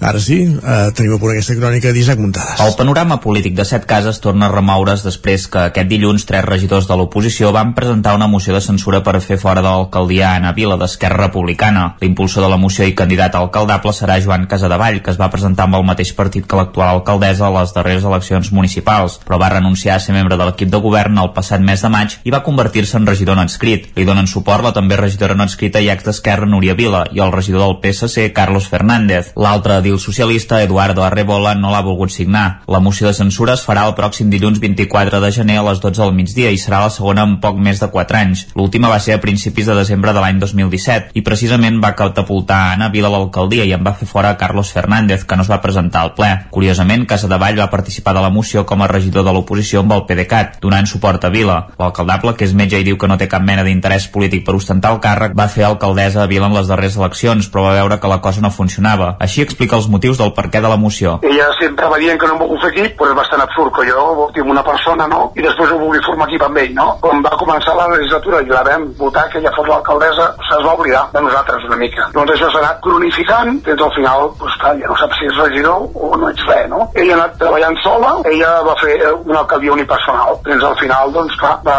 anul·lar la cita de govern, tot volia fer comissions informatives, i al final, doncs, bueno, ens separem i fes-ho sol. En el seu moment, la decisió de dimitir en pocs dies de diferència de Vila i Casadevall havia de servir perquè l'alcaldessa rectifiqués la seva posició, però com que no va ser així, Vila va governar en solitari des d'aleshores. Casadevall no ha volgut esperar més perquè diu que l'alcaldessa no va voler parlar amb ell. L'alcaldable vol fer un ajuntament de transició aquest any i mig que sigui transparent i que impulsi projectes bàsics pel municipi. Anem a crear una pista esportiva homologada als nens, perquè tenim 15 nens petits, menors, perquè puguin jugar almenys en condicions, que és l'únic poble de la vall que no tenia un camp de futbol homologat, un terrari. Un dia hi ha neules, l'altre dia hi ha vaques, l'altre dia va un cotxe a fer trompos, no? I una mica ordenar una mica quatre coses d'aquestes, no? Tampoc set cases té un lloc pels avis, pels nens, no tenim res, no? Una mica que aquestes coses bàsiques que se'ns han distret una mica amb el turisme. Casa de Vall assegura que hi ha concerts i esdeveniments pels turistes, però que l'Ajuntament no ofereix cap servei més enllà del servei de recollida d'escombraries i el de l'aigua. L'alcaldable ha llimat les diferències amb Fernández per presentar la moció de censura i ofereix a l'encara alcaldessa seguir l'equip de govern. A més, assegura que en principi no té la intenció de tornar-se a presentar i que no té gens d'interès a atacar ningú.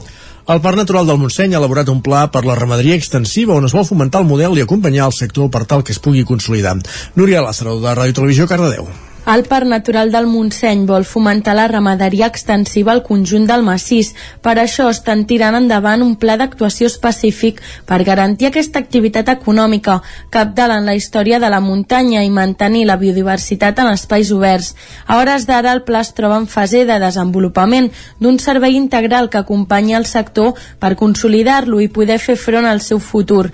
Aquesta iniciativa s'ha engegat després que el pla va començar el 2020 amb l'actualització actualització del cent ramader i una diagnosi de la situació de la ramaderia extensiva del Montseny.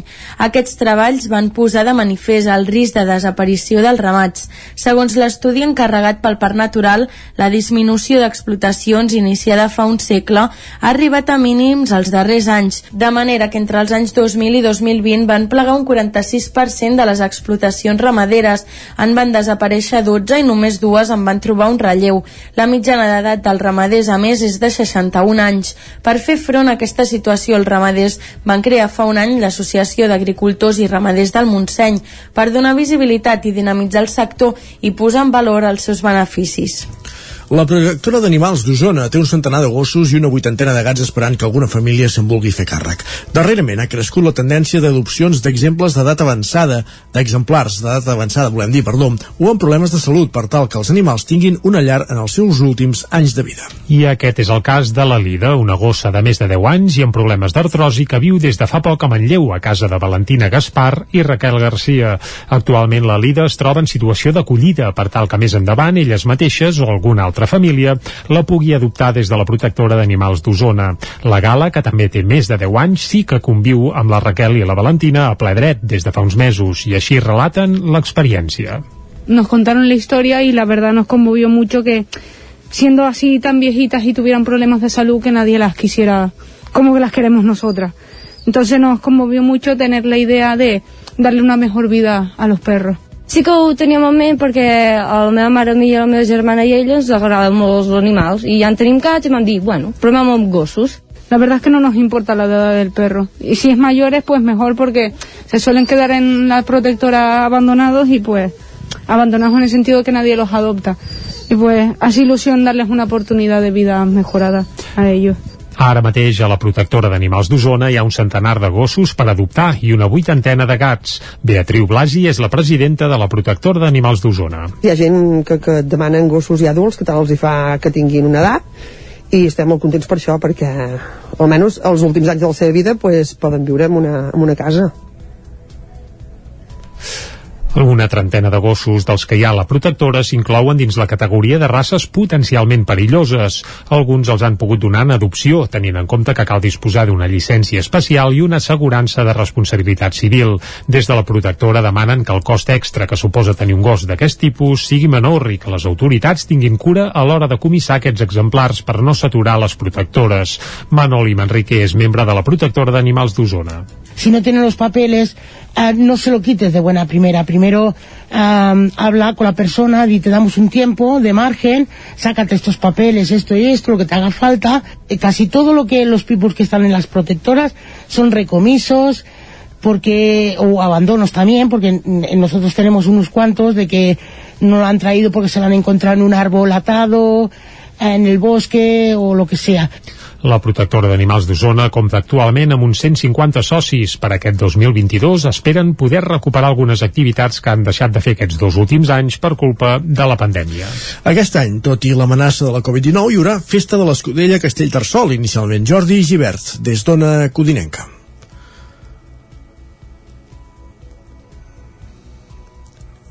Recuperem aquesta crònica de, de Jordi Givert sobre la festa de l'Escudella de Castellterçol prevista per celebrar-se aquest 2022, Sarsi. Tot apunta que la festa de l'Escudella de Castellterçol podrà celebrar-se aquest carnaval. Des del mateix Consell de la Festa i l'Ajuntament han acordat una nova ubicació i un protocol per tal de poder celebrar la festa amb les garanties sanitàries necessàries. Miquel Catot, cap de colla dels escudellers, explicava el nou espai. Uh, en principi eh, no hi haurà fira, o molt poca, tampoc hi haurà un esmorzar popular que hi havia, i després, a més de fer-se aquí a la plaça Nova, al Prat de la Riba, depèn de com ho vulguis dir, es farà al terreny del Sosa, que és uns terrenys que davant ja s'hi fan activitats. perquè són uns terrenys molt més amplis. Tot i així, la decisió final de celebrar la festa es prendrà a últim moment i sempre seguint les normes que determina el Procicat. Des de l'organització estan preparant un protocol per evitar les aglomeracions habituals a l'hora de servir la preuada escudella. doncs tothom s'hi aboca a sobre la caldera i servim allà tots apilotonats i esclar, això no, no podem fer-ho i la nostra intenció és servir-les en dos parts és a dir, 13 i quan acabem aquestes 13, les 13 més i amb una sèrie de files ja eh, ben fetes, ben formades i la gent doncs, no es pugui amuntegar és dir, una fila estreta que passin una o dues persones. La festa de l'Escudella de Castellterçol es celebra els dimarts de Carnaval, un dia molt esperat al poble i que és festiu a Castellterçol, a més a més de ser una tradició centenària. Diumenge es va tancar a Manlleu la pista de gel que a principis de desembre es va instal·lar a la plaça Fra Bernadí en el marc del Ba de Nadal. En tot aquest temps ja han passat 14.700 persones, una xifra molt similar a la que es va registrar l'any 2019, l'última edició que es va fer abans de la pandèmia. El Ba de Nadal de Manlleu va tancar portes diumenge amb unes xifres de participació que recorden i molt a les de l'any 2019, abans de la pandèmia. Des de principis de desembre, per la pista de gel que s'ha instal·lat a la, plaça, a la plaça Fra Bernadí han passat 14.700 persones. Són gairebé 10.000 més que les que hi van passar l'any passat en una edició marcada per les restriccions del Procicat, sobretot pel que fa a aforament i mobilitat. Ho detalla Eudal Sallarès, regidor de promoció econòmica de l'Ajuntament de Manlleu. perquè només podíem patinar-ne 12 no? uh, tenim igualment dues pistes separades però, però Sigat ens va marcar que per activitats d'oci doncs, només podien patinar 6 persones per hora i pista no? aquest any, malgrat eh, vam poder patinar més persones podíem patinar 80 com a màxim encara estàvem lluny d'unes 180 200 que podien patinar en un any normal no? que és per exemple el que fem de referència al 2019 tot i així les dades són boníssimes perquè el 2019 van passar per la pista 15.000 em sembla 15.014 persones poc, poc més de 15.000 persones i enguany estàvem a, a 14.700 pràcticament. Per tant és, són unes dades molt bones que indiquen que que realment va haver-hi una certa normalitat amb el que era la pista. Com l'any passat, aquest any la superfície de gel s'ha tornat a dividir en dues pistes amb capacitat per a 40 persones a la vegada. L'equipament, que s'instal·la des de fa 21 anys durant les festes nadalenques a Manlleu, també és important pel teixit comercial del poble. Ho explica Eudal Sallarès. Les sensacions a nivell comercial i a nivell de restauració són fantàstiques. Uh, o sigui, no es concebeix, entre cometes, el Nadal a Manlleu sense la pista de gel, no? I és un reclam eh, que, que cada any eh, ens demanen a, a nivell comercial. Eh, aquest any tornarem a tenir pista? Sí, la pista de gel jo penso que a Manlleu portem una trajectòria de 21 anys en què s'ha instaurat no? i ha anat canviant, aquest any també eh, doncs vam recuperar l'espai de debutants no? L'any passat vam, vam afegir també la fusta que també dona una calidesa especial i clar, al fons no sé, jo crec que va com associat no? i la gent ho aprofita perquè ve a patinar, llavors doncs es queda a berenar, o es queda a sopar o ve a fer les compres mentre la canalla està patinant eh, per tant, a nivell comercial i com a dinamització de ciutat jo penso que és, és un, una de les grans apostes de, de Manlleu i que no crec que el, el deixem perdre almenys fins d'aquí molts anys Des de la regidoria de promoció econòmica celebren el bon funcionament de venda d'entrades per internet. Ara els falta analitzar en profunditat la procedència dels usuaris, tot i que Sallarès augura una gran majoria de patinadors d'Osona i també visitants de fora la comarca. Gràcies, Jordi. Acabem aquí aquest repàs informatiu que començàvem a les, al punt de les 10 en companyia d'Isaac Muntades, Jordi Sunyer, Jordi Givert i Núria Lázaro. Moment ara de conèixer la previsió meteorològica amb en Pep Acosta. Casa Terradellos us ofereix el temps. Pep Acosta, aquí saludem de nou ara mateix. Bon dia, Pep. Hola, molt bon dia. I molt bona hora. Què podem dir del dia d'avui? El Què que podem vulguis, dir? va, anem-hi. Doncs que ens llevem amb unes temperatures eh, normals per l'època de l'any. Mhm. Poder una mica més altes, el que hauria de ser. eh, hi ha poques glaçades. Eh, també és dolent, això. Hauria de glaçar més. És bo que glaci mm, pel camp, eh, pels animals, per tot és bo que glaci i aquest any està glaçant poc, eh? Molt poc, eh? I això també són... no són bones notícies, són males notícies.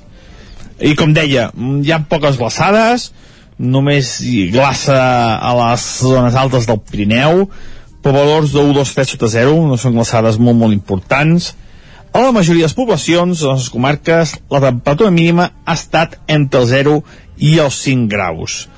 Durant el dia, eh, molt de sol, excepte a les zones amb boira.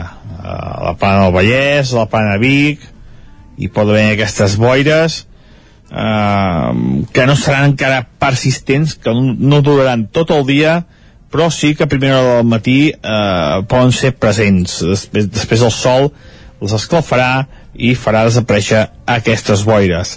Les temperatures màximes, la majoria entre els 10 i els 15 graus. Encara no hi haurà aquelles boires que no té un congelador, encara no seran eh, molt, molt presents durant tot el dia i farà que les nostres comarques, les nostres poblacions, eh, de cara a migdia, primers, primers hores de la tarda, ara que el dia ja es va allargant, la temperatura encara sigui una mica suau, eh, d'això, entre dels 10 i els 15 graus de màxima. Molt de sol i vents molt febles, eh, com deia, poc, poc moviment. I això són amics oients, eh, ens veiem, ens escoltem demà, perdó, eh, però ja aviso que molt poca cosa canviarà i més o menys el temps serà igual durant força, força dies. Ja ho anirem parlant. Moltes gràcies. A tu. Adeu. Doncs Paciència, vinga, exacte, paciència. estabilitat i paciència. I ara hi posarem una mica de literatura, oi que sí? Sí, exacte, tot seguit el Lletra Ferits. Som doncs vinga, va. Casa Tarradellas us ha ofert aquest espai. Territori 17. Envia'ns les teves notes de veu per WhatsApp al 646 079 023. 646 079 023. WhatsApp Territori 17.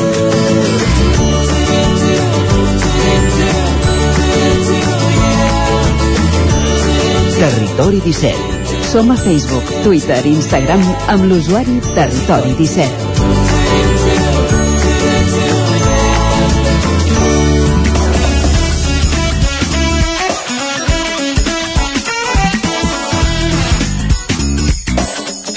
Passen 3 minuts d'un quart d'11 del matí. Avui us hem avançat que el Territori 17 hem capgirat l'escaleta en aquesta segona hora i ara és el moment del Lletra Ferits, de l'espai que cada setmana dediquem als llibres aquí en aquest espai radiofònic i avui ho fem per parlar d'una novel·la i d'una autora de la novel·la eh, de la, de la novel·la de la biguetana Dolors Puiggalzina, una novel·la que eh, parla, en aquest cas, ambientada en un cas d'intel·ligència artificial, una novel·la anomenada App, una cosa damunt els núvols. Dolors Puiggalzina, bon dia. Hola, bon dia. Com estem? Bé. Explicàvem això, que has incorporat en aquesta història, en aquesta novel·la que has publicat les darreres setmanes, eh, la intel·ligència artificial, bàsicament perquè la protagonista, la Patrícia, que precisament és també una escriptora que, que viu sola, rep un regal d'un ordinador que aplica la intel·ligència artificial eh, a l'hora de treballar i ella doncs es va endinsant amb aquesta màquina, s'hi va fent amic d'alguna manera, diguéssim, i aquí és un, on parteix la, la trama principal de, de la novel·la. Eh, com, com va parar, diguéssim, a, a, de, és, és a dir, en quin moment planteges aquesta història, no? I incorporar aquest element, la intel·ligència artificial, en una, en una història. Bé, mira, el títol és App, una casa damunt els núvols, uh Mhm. -huh. i representa que App és, com molts ho podeu associar a la, a la pel·lícula de Disney, és aquella casa allunyada allà dalt de tot, no? I és com l'escriptora, la Pat, la protagonista, doncs, eh, en diu de casa seva, i és una broma que es fan entre ella i sa mare. I sa mare, doncs, ella viu de manera solitària, eh, de manera voluntària, perquè és una decisió seva, i sa mare li regala, doncs, el dia del seu aniversari, un ordinador amb intel·ligència artificial, perquè diu que pugui parlar amb algú, a part de les plantes i el gat, per tant, algú que li torni una contesta, no? I ella és bastant, bastant reàcia aquesta mena de d'innovacions, no? perquè no li acaba d'agradar això, eh, ella és més tradicional, i d'entrada doncs no, no, creu que no l'utilitzarà gaire, però bueno, allò que la tentació, el cap connectant, i li posa a la intel·ligència artificial un nom de persona, li posa Vicky, uh -huh. i, i a partir d'aquell moment, doncs, bueno, clar, s'estableix una relació entre elles dues que no comença amb molt bon peu, per dir-ho d'alguna manera, perquè la intel·ligència artificial vol controlar-ho tot i ella això la treballa bastant, però sí que, bueno, a mica en mica, doncs, allò que passa, no? Sí. I el cas és clar que darrere el sistema d'intel·ligència artificial hi acaba havent intel·ligència humana també. Sí, sí, sí. De fet, la, la història, en realitat són dues històries, no? Són dues històries simultànies uh -huh. Que, que a vegades coincideix que passen en el mateix dia, en el mateix moment, i una és uh, aquí a App, que aquesta casa l'hauríem de situar en un poble de la comarca d'Osona bastant en l'aire, que té una talaia molt preciosa i magnífica. que Podríem imaginar Muntanyola, per entendre'ns. no, ja seria Sant Bartomeu, per dir-ho d'alguna manera, eh? Molt bé. I, i per l'altra banda seria el noi que treballa a la companyia de la intel·ligència artificial a Londres Uh -huh. i és el que, bueno, eh, aquestes intel·ligències artificials porten adjudicades un, instal·lador, un tècnic, per dir-ho d'alguna manera, que els primers dies serveix per fer de suport a qui ho ha comprat i pugui treure les prestacions necessàries. I això no... La intel·ligència li va recordant a la PAT que encara no s'ha donat d'alta, que ha de conformar eh, tots els requisits i omplir els qüestionaris que li demanen i ella, uf, tot això no vol fer-ho. I per tant l'entrada també amb, amb l'Ian, que és el noi que hi ha a Londres, doncs també és una entrada una mica així eh, no gaire amable. Però mica en mica doncs eh, la intel·ligència, la Vicky, doncs va fent una mica de mediadora entre aquestes dues relacions. I en el fons són dues persones bastant solitàries els dos perquè arrosseguen una càrrega emocional bastant gran a darrere i en mica en mica doncs durant la novel·la anem veient perquè cadascú és com és. No avançarem més, no farem més spoilers, però sí que hi ha un punt, No. de, sí, sí que hi ha un punt de coincidència final que avui precisament també és de, Sí. un tema d'actualitat, que és el 17 d'agost de 2017, a la Rambla de Barcelona, oi? Exacte, per desgràcia, doncs, una de les seves trobades coincideix en aquest dia que tots sabem què va passar a les Rambles i, i sí, sí, és un moment una mica complicat.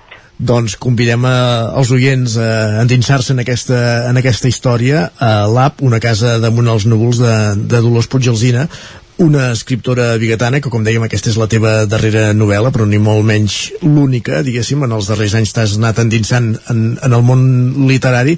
Explica'ns una mica com, com ha anat tota aquesta progressió des del moment que, que comences no sé, a escriure eh, de forma eh, no sé si autodidacta diguéssim i com et vas endinsant en aquest món Bé, a mi sempre m'ha agradat escriure ja des de molt joveneta, vaig començar d'adolescent i llavors la vida a vegades et porta per moments familiars doncs, complicats, tens fills, no tens temps aquestes coses. Llavors quan ja tens la situació una mica controlada i, i a vegades disposes doncs, de moments, eh, bueno, comences a, a, a esplayar-te més amb l'escriptura i vaig fer un blog en el blog comences a veure que hi ha gent que et llegeix, que et segueix, que et comenta i això mateix eh, va esperonant i t'anima no? a escriure cada vegada més i eh, també és veritat que a vegades passes temporades doncs, que tens com, com una aixeta oberta aquí dintre que va sortint i va sortint i va sortint i, i és com un plaer indescriptible doncs, poder plasmar totes aquestes idees eh, en el text i veure que arribes a la gent i que agrada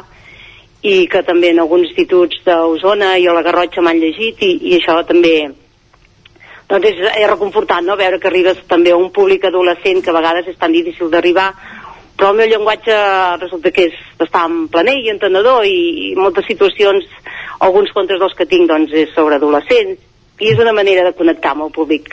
A mi m'encanta això. és important, oi, el feedback, per tant, amb el lector Sí, home, eh, quan un escriu és perquè llegeixin i qualsevol que digui que no és mentida perquè sí que pots escriure un diari personal evidentment, no? però quan escrius alguna cosa que, que creus que si algú més ho llegís serviria per remoure doncs alguna, no sé, sentiments, emocions i coses que a vegades estan estancades eh, és un gust compartir-ho, no? I veure que en el fons doncs arribes a, a gratar una mica aquella crosta que, o, a vegades hi ha gent que fa més mal amb l'escut que amb l'espasa, diuen, no? Doncs sí, hi ha molta gent que està escudada, no?, darrere de, de moltes coses retingudes i, i veure, doncs, que amb, amb els teus textos arribes, doncs, eh, a mi m'agrada molt.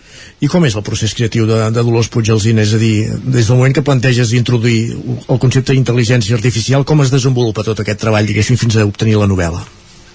Ui, aquesta novel·la la vaig començar fa molt temps, la veritat és que hi han passat 50.000 coses per, per sobre, ha quedat aparcada moltes vegades a l'escriptori, he tornat a agafar, al principi només era una història única, no hi havia intel·ligència artificial, bueno, és allò que a vegades les, mm, una novel·la, jo sempre mm, a mi escriure un conte m'és molt fàcil, diguem-ho de manera així planera, eh?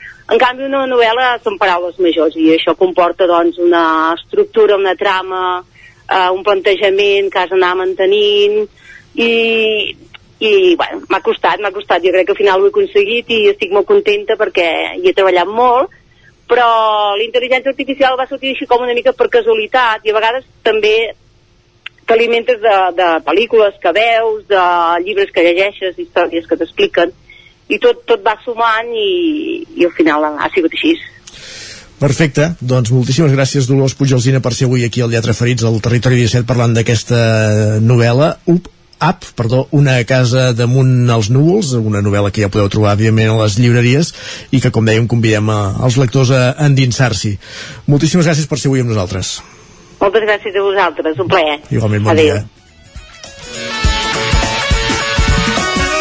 Doncs amb el Lletra Ferits arribarem al punt de la pausa que fem aquesta hora cada dia al Territori 17. Seran 3 minuts de pausa i tornarem de seguida a dos quarts en punt amb la resta de continguts pendents per avui, per aquest dimecres 12 de, de gener.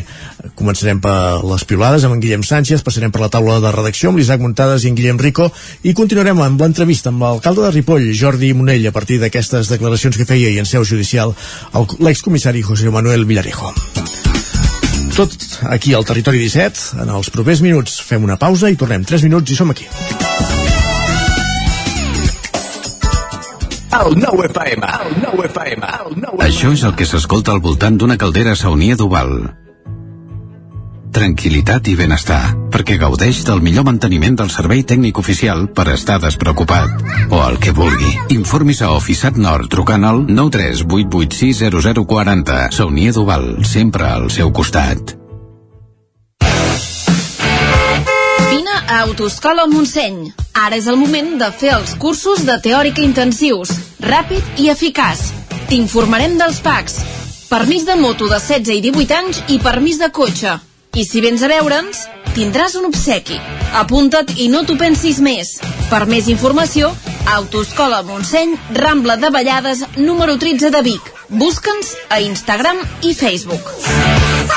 Anuncia't al 9FM. La màquina de casa. 9 3 8 8 9 4 9 4 9 Publicitat arroba al 9FM.cat. Anuncia't al 9FM. La publicitat més eficaç. Les males herbes no et deixen veure i clar?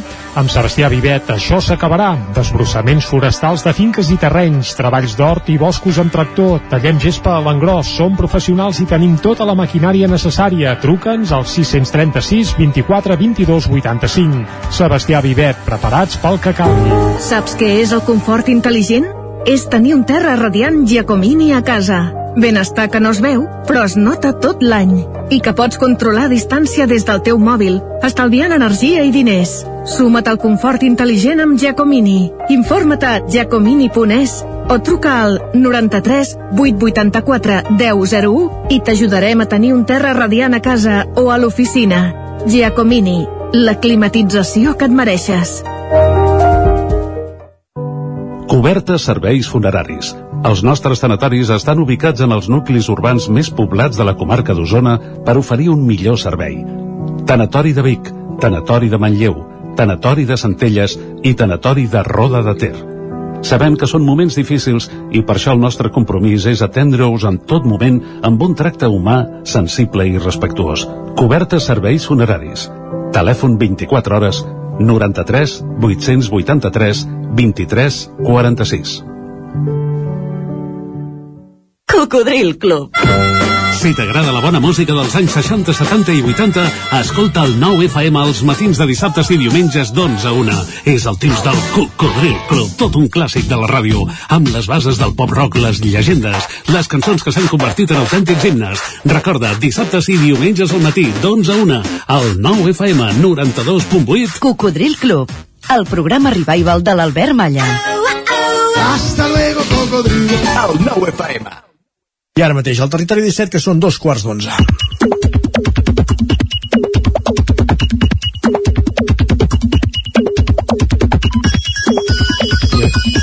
I a dos quarts d'onze, Jordi, com cada dia ens acompanya en Guillem Sánchez a l'estudi. I tant, i ja el tenim aquí, i ja el saludem ara mateix. Guillem, bon dia. Bon dia, Jordi, bon dia, Isaac. I bona hora. Has llegit uh, la nova novel·la de la Dolors Puigelsina? No, però quedarà, quedarà pendent, eh? Quedarà pendent perquè feia bona, bona pinta. Quedarà Ah, pendent. doncs vinga, va. Jo uh, ara comentava que m'ha recordat molt la pel·lícula Up, aquella de Disney, amb una parella de De fet, ja, ja ho diu, que el nom de la casa parteix d'aquí. Sí, sí, sí, sí, sí, per tant, tot lliga. Ens quedarem de moment amb la pel·lícula, però ens apuntem també la novel·la. Va, anem a repassar piulades, Guillem. Perfecte, doncs va, això de la tenim? pandèmia de la Covid-19 ens fa tornar una mica bojos, sinó que li preguntin a la Mariona, que ens diu he anat a comprar un test d'antígens i m'han dit que no en tenien, fins aquí tot normal. Sí, no seria cap, cap novetat. Diu, es veu que la farmàcia era a la porta del costat i n'he demanat a una lampisteria. Ja Ah. seria... Si en tinguessin també ja seria fort, eh? ja seria, seria molt fort. Home, potser si venguessin testos, les lampisteries farien el primer... Bé, tant és, va. És, és una via de negoci que es pot estudiar. Clar, també. per exemple, per exemple, sí, sí. Per Twitter també hem trobat un exemplar únic, uh, únic, no sé si seria la paraula, però que costaria de trobar, com és en Marc. Diu, ara mateix crec que sóc l'única persona de Catalunya que té febre, mocs i mal de coll i dona negatiu en Covid. No, home, no, no és pas l'únic. No? no, home. jo tinc un parent que, que similar i té unes angines de cavall, és a dir, es pot tenir alguna cosa que no sigui Covid i està fumut, és a dir, també s'hi val. Perfecte. Principi. Per tant, que es consoli, tranquil. Home, de fet, és l'època de les grips, no? També. per exemple, de També. grips, de, de això, mals de coll... Ara, De clar, també, evidentment, eh, la Covid ens ho impregna tot, eh? però eh, també hem de dir que és possible estar malalt d'alguna cosa que, Que no no sigui sigui- Covid. La pandèmia també ens ha canviat els hàbits. La Joana ens posa un cas com a exemple. Ens diu, ara quan he d'anar a un lloc nou o important, penso en estrenar FFP2 i no una camisa o unes arracades. Com ens ha canviat la vida amb I, aquest i el temps. color, i ja el color. que lligui a sobre ja, sobre ja. perquè quan et demanen el color uh, de les mascaretes que compres, uh, jo sóc sempre de blanques, però hi ha gent que vol negres, hi ha gent que vol roses, Jo, no sé, jo, no sé prefereixo, vosaltres. negre, jo prefereixo fosques també Sí? eh? avui no, no sé què porto ara mateix Verd. eh, un verd fosc Sí. eh, per això, aquest verd soldat eh? bé, cadascú, escolta, la, veus això? D'això fa un parell d'anys no en parlàvem No en mai, eh? De quin color duràs la mascareta? Bàsicament no, no, no, no ni t'ho havies plantejat. No, i quan veies algun xinès com a molt per Barcelona eren blanques les de tota la Correcte. vida i ens O en blaves, si no, fotíem, ens en fotíem i tot. Exacte. Uh, qui ens ha vist i qui ens veu, va. Correcte, seguim. va. També són dies en què l'OMS pronostica que la majoria de persones d'Europa es contagiaran de la Covid-19, si més no el 50% amb aquesta previsió que feia l'Organització Mundial de la Salut. Mhm. En aquest sentit, eh, l'Ernest Codina ens fa una, una proposta, ens fa una juguesca, diu Vinga, sis, sis onades i no l'he passat. Veig que l'OMS diu que en les properes setmanes es contagiaran la meitat dels europeus. Si em salvo, què voleu que faci? Com que no puc fer promeses o assumir reptes per un títol del Barça masculí, n'accepto per arribar net de Covid fins a finals de febrer. Mira, jo l'últim que li vaig veure fer és un, una secada d'honor amb un partit de futbol del Tona i el Tona aquell dia no se'n va sortir gaire airós, per tant li proposaria que tornés al camp de futbol del Tona i A que provés si- de fer una nova secada d'honor en cas que, que se'n surti airós sense Covid. Va. Li podem, li podem Li proposar. farem arribar, va. Doncs va, canviem de tema. Segons recullen alguns mitjans, no sé si sabíeu que aquest 2022 estem més a prop de la data de la possible destrucció de la Terra. Diu, alguns mitjans apunten que la NASA hauria això- exposat... És que això, perdona, eh, és, és evident, no? Perquè, clar, eh, que un any més, per, bé, no sabem quan serà, serà potser d'aquí milions d'anys, Sí, però... sí, però no, no, no, no. Es va apostar No, no, més, eh, d'aquí milions d'anys no. Es veu que la Ah. NASA havia exposat que el divendres 6 de maig a les 5 i 12 hora argentina podria xocar contra la Terra un asteroide que té ah, la mida ostres, ara, clar, aquesta hora no ens va gaire bé, eh? d'una gran piràmide i podria podria ocasionar una explosió... Eh, això també és pel·lícula, eh? Sí, a, equivalent a 230 quilom, a quilotones perdó, de dinamita. Diu, els comentaris d'aquesta notícia no s'han fet esperar. La Lucía ens comenta, diu, que em diguin si és 100% segur per poder deixar els estudis. És una, és una proposta que fa ella. De moment que no els deixi. L'Òscar diu, doncs botellón el dia 6, no se'n parli més. I en David ens comenta, segur que quan vingui passa de llarg. Total, ens morirem pel canvi climàtic. De fet, i si rasquem una mica més, uh -huh. aquesta informació no és del tot certa. La NASA Ah. sí diu que hi ha probabilitats de que això pugui passar, però aquestes probabilitats són, dels, són del 0,026%, és a dir, una entre 3.800. Per tant, podem estar una mica... És a dir, una que mica tenim moltes més possibilitats de que ens agafi el Covid que no pas que ens toqui aquesta espècie de piràmide. Sí, això eh? ja Això t'asseguro jo que evident. Va, i per acabar avui, qui Vinga, tingui més. temps i ganes aquest eh, vespre, recordem que hi ha un clàssic de futbol a les Ah, 8 del, és veritat, del sí, vespre, tant. amb motiu d'aquesta gran Supercopa d'Espanya, que es veu que no es juga a cap Sí, lloc es diu d'Espanya. Supercopa d'Espanya, però la fan... L'Aràbia Sí, a l'Aràbia Saudita, Qui correcte. paga mana. Correcte. En, en aquest sentit, doncs, destacarem un tuit del professor de la UBIC, en Xavier Ginesta, que ens apunta la següent alerta, opinió. majors. Diu, veus que demanen el boicot als Jocs d'hivern de Xina 2022, però el 2022 vindrà farcit de més incongruències per les mentalitats d'Occident. Demanaran el boicot a Qatar 2022, deixarem de veure la Supercopa a l'Aràbia, les nostres misèries i incoherències són de manual. Ara això sí, que guanya el Barça, no? Home, i tant, Per descomptat. I, I presencialment no l'anirem pas a veure, aquest partit, però per televisió es deu poder I seguir, tant, no? i tant. Pagant, pagant sempre es pot veure tot. Home, pagant Sant Pere Canta, ja ho diuen, i tant que sí, i més en el món del futbol. I. Guillem, moltes gràcies. Que vagi bé. Doncs va, jo, gratis, eh, Va, sense cobrar, faré un cop d'ull a les portades del 99.cat, si us sembla. Va, comencem per l'edició d'Osona i el Ripollès, cobra amb una entrevista amb el president del Corcó de futbol, el Xesco Garcia, que diu que volen fer un equip del poble per competir. Ara mateix el Corcó, competir, competir, competeix molt, però no pas a, Que, bé, en divisions... a- a quarta catalana o gaire... tercera? Uh, mira, la veritat és que no ho sé, hauria d'estar llegint uh, el tema, jo crec que deu estar a quarta, eh? A quarta, sí, sí, sí, sí, sí, a quarta catalana, per tant, més avall ja ho té complicat, com serà que algun dia no pugin a tercera. Més coses, Gemma Geis expressa el suport del govern a Ripoll per les afirmacions de Villarejo sobre el 17A i Llanars pagarà gairebé 1.000 euros per poder tenir un caixer automàtic. Això apareix ara mateix a la portada del 99.cat d'Osona i el Ripollès i ràpidament un cop d'ull a l'edició del Vallès Oriental cobra explicant que una nova avaria ja reparada ha tornat a tallar el subministrament d'aigua a uns 100 clients de Can Gili. Can Gili és un barri de Granollers. Més i, eh, aspectes que apareixen a la portada del 9-9 del Vallès Oriental. El govern no preveu prorrogar el toc de queda a partir del 21 de gener si es confirma la millora de la pandèmia, una millora que de moment tampoc s'acaba de veure, i eh, tercer carril imminent a la C-17 entre Granollers i Parets, una cosa que celebraríem no només els ballesans, sinó els que patim o hem de fer sovint a la C-17 Jo tinc la teoria perquè... que, que com més carrils poses, més trampes et poses, eh? I una prova és l'AP7, el tram aquest, que, que han eixamplat ara precisament a partir de, de Parets cap a avall, que hi ha, hi ha com 4 o 5 carrils i, en fi, és igual, és un festival el, el, el desgavell que hi ha entre camions conclusió, i conductors. a, a, ja ens augures que tot i que hi hagi tres carrils Serà continuaran serà els embussos igualment. igualment, Sí, bé, almenys estarem més amples si no es Sí. consol perquè no vol molt bé, doncs això és el que apareix ara mateix a les portades del 99.cat Gràcies Jordi i Vinga. gràcies Guillem. I ara el que fem és anar a la taula de redacció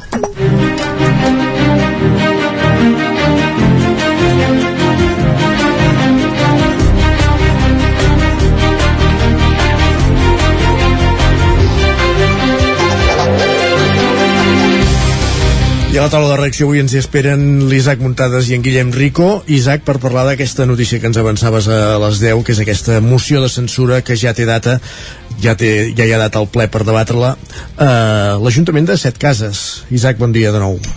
Bon dia, Isaac, bon dia. Sí, sí, de fet és la segona moció de, de censura que es fa eh, recentment a l'Ajuntament de Set Cases. La última pels qui no ho recordin, jo de fet aquell dia hi vaig assistir-hi eh, personalment, va ser un eh, 1 de desembre o 6 de desembre, ara no recordo, del 2017, era un dia que nevava molt i va ser una moció de censura surrealista perquè no s'hi va presentar l'alcalde que es feia fora, que era Carlos Fernández, i, i hi havia la- l'actual la, alcaldessa, Anna Vila, que, que va ser la que la va eh, guanyar, i aquest cop és al revés. Ara, doncs, eh, Anna Vila és eh, l'actual alcaldessa i s'han conjurat eh, tota l'oposició doncs, per, per fer-la fora de, de l'alcaldia.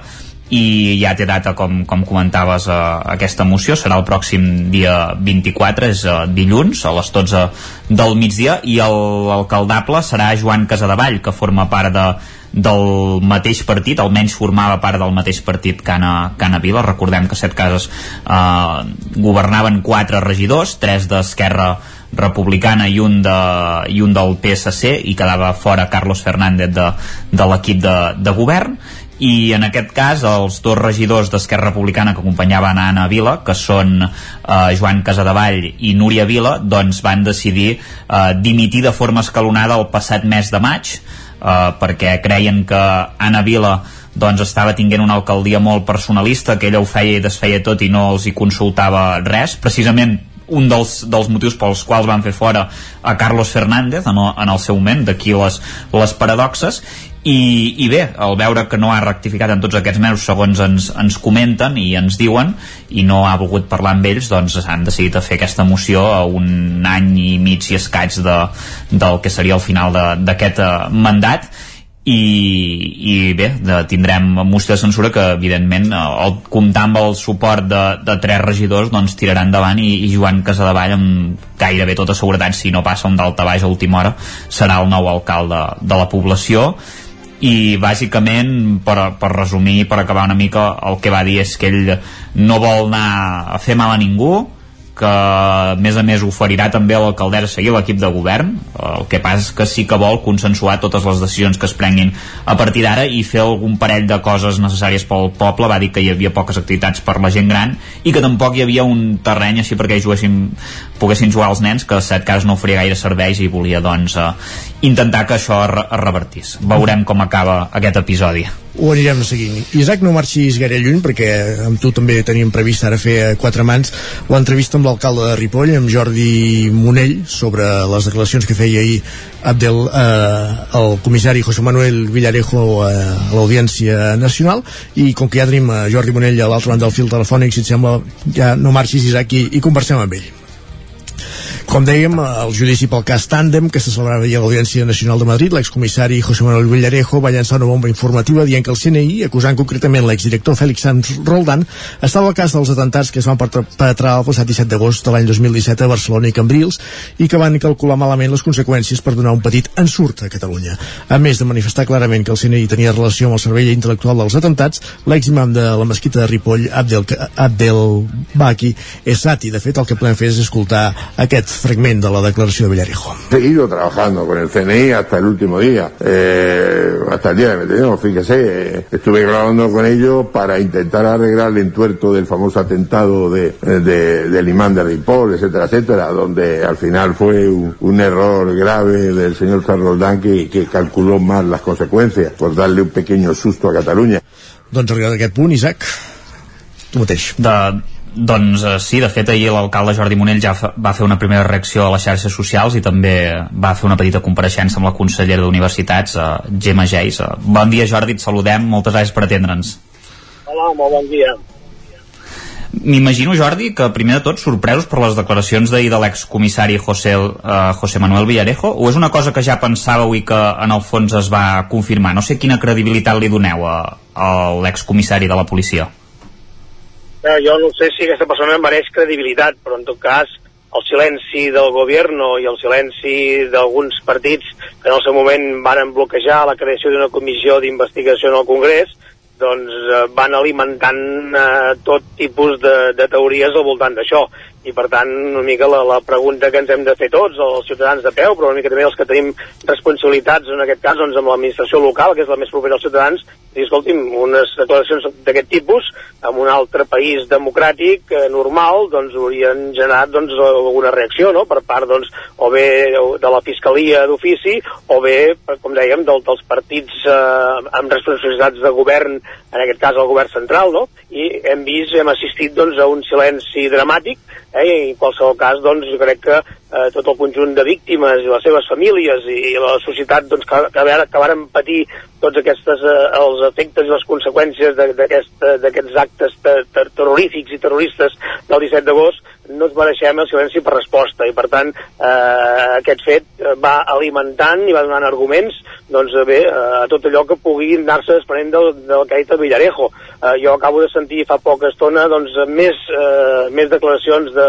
d'aquest personatge, ara mateix a les notícies, que va dient que té proves de tot això, que ho té en els seus arxius personals, que els té en aquest cas amb secret de sumari per part de la justícia, i per tant, escolti'm, jo crec que això, eh, per respecte a la ciutadania, per respecte i per l'honor, com deia, de les famílies i les víctimes, això es mereix una resposta oficial per part doncs, dels responsables de, del, del govern, perquè en qualsevol cas el CNI no deixa de ser una estructura d'estat, i per tant és responsabilitat directa doncs, del, del Ministeri de l'Interior i de la presidència del govern i per tant jo crec que la ciutadania es mereix una resposta, sigui la que sigui eh, desmentint completament i per tant facilitant que hi hagi una investigació en, els, en el Congrés dels Diputats sobre aquest tema, o en qualsevol cas, i, i que seria molt lamentable, doncs eh, sortint i, i, i justificant o explicant o demanant perdó si cal, si això és veritat. Eh? En qualsevol cas, la situació en aquests moments és molt greu, jo crec que, que atempta directament amb una de les estructures de, principals d'un estat, d'una societat i de la democràcia, que és la confiança en l'estat.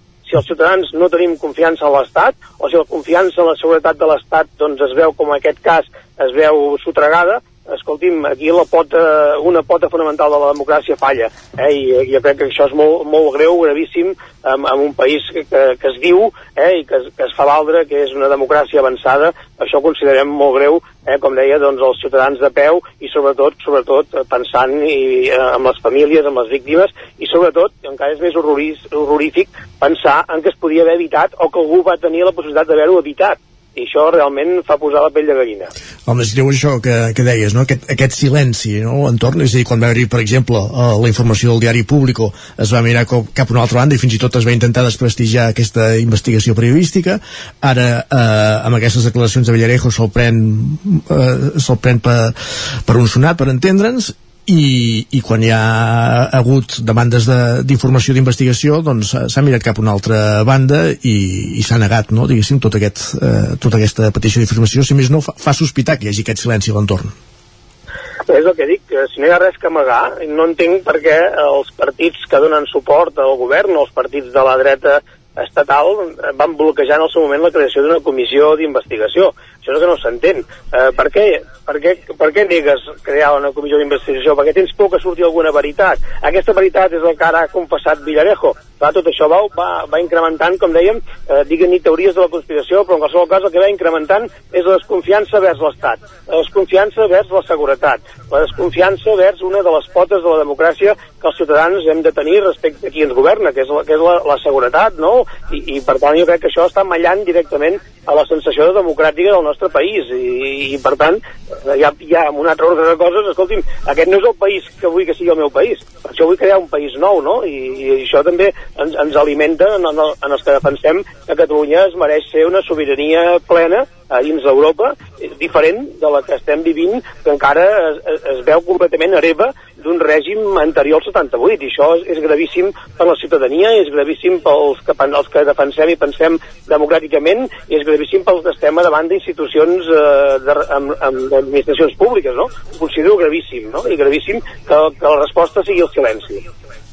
Mhm. Deies això d'alimentar les teories de la conspiració, Jordi. Eh, per exemple, ahir, eh, una de les coses que van sortir, que, que això ja era públic, eh, les declaracions en el seu dia de l'exministre d'Afers Exteriors, José Manuel García Margallo, que deia que la segona quinzena d'agost passarien coses, clar, en el seu moment segurament això potser no se li va donar eh, tanta importància. No sé si també s'hauria de demanar, per exemple, la seva compareixença només per aquesta frase que, que realment, veient una mica el que va dir ahir el comissari Villarejo, eh, eh, en principi podia ser molt enigmàtica, però podria ser clarificadora també. Mira, aquí darrere, eh, com dèiem, aquest silenci està incrementant eh, la sensació de que es va, es va gestar una operació a Catalunya, no? Per, per diguéssim, per desmantellar el, el, el, el que els feia tanta por a l'estructura de l'Estado, en el Deep State, aquest estat profund, eh, que era l'1 d'octubre, no? el referèndum d'autodeterminació. I per tant, eh, tot això, amb aquestes declaracions de Villarejo, el que està fent és alimentant tota aquesta teoria. I per tant, jo insisteixo, si això és mentida, doncs quina, quina por ha de tenir eh, quina por han de tenir els partits polítics que estan donant suport ara en el govern d'Espanya o que li donaven suport l'any 2017 al govern d'Espanya, quina por han de tenir de deixar fer una comissió que ho investigui i que per tant que permeti que tots els que van intervenir, els cossos policials, el CNI, el director del CNI, el ministre de l'Interior, que puguin explicar-ho i tancar el trenca, i, i completar el trencaclosques i per tant s'acaba la conspiració i s'acaben les teories. Eh, la veritat eh, és la que en, en, ens ha de fer lliures, no? La veritat és la que hauria de permetre completar el dol pel respecte, per l'honor de totes les víctimes de les famílies i també per la societat catalana i les ciutats que ho van patir. Uh -huh. I per tant no entenem, eh, no s'entén aquesta voluntat d'ocultar la veritat. Per tant jo crec que ara aquí el que hem de plaçar directament és els que tenen responsabilitat del govern, escolti'm, de facilitar una comissió d'investigació oficial amb seu parlamentària al Congreso i que tots els, els, els persones implicades, eh, els ministres, exministres, els CNI sobretot, puguin explicar tota aquesta història que hi ha al darrere de, del Satí, no? des de la seva sortida de la presó, el fet de que no fos eh, deportat eh, eh, malgrat haver-hi un ordre d'expulsió, el fet de que se li completés un historial laboral perquè li permetés trobar feina, el fet que com és que va arribar a la, a la demarcació de Girona i com és que ens va arribar a Ripoll, tot això són, són baules perdudes d'informació que al no tenir-les o el fet de que ens les vulguin ocultar van auspiciant doncs, eh, teories i aquí el Villarejo el que ha fet és, és allò, eh, tor tornar a, a instar o a incidir en un tema que, que, clar, que com que la informació no hi és, la informació és incompleta, doncs pot, pot anar auspiciant tot tipus de, de, de teories, que, que malauradament, amb aquestes declaracions, eh, eh, està donant la raó en aquestes teories. Per tant, escolti'm, és molt simple.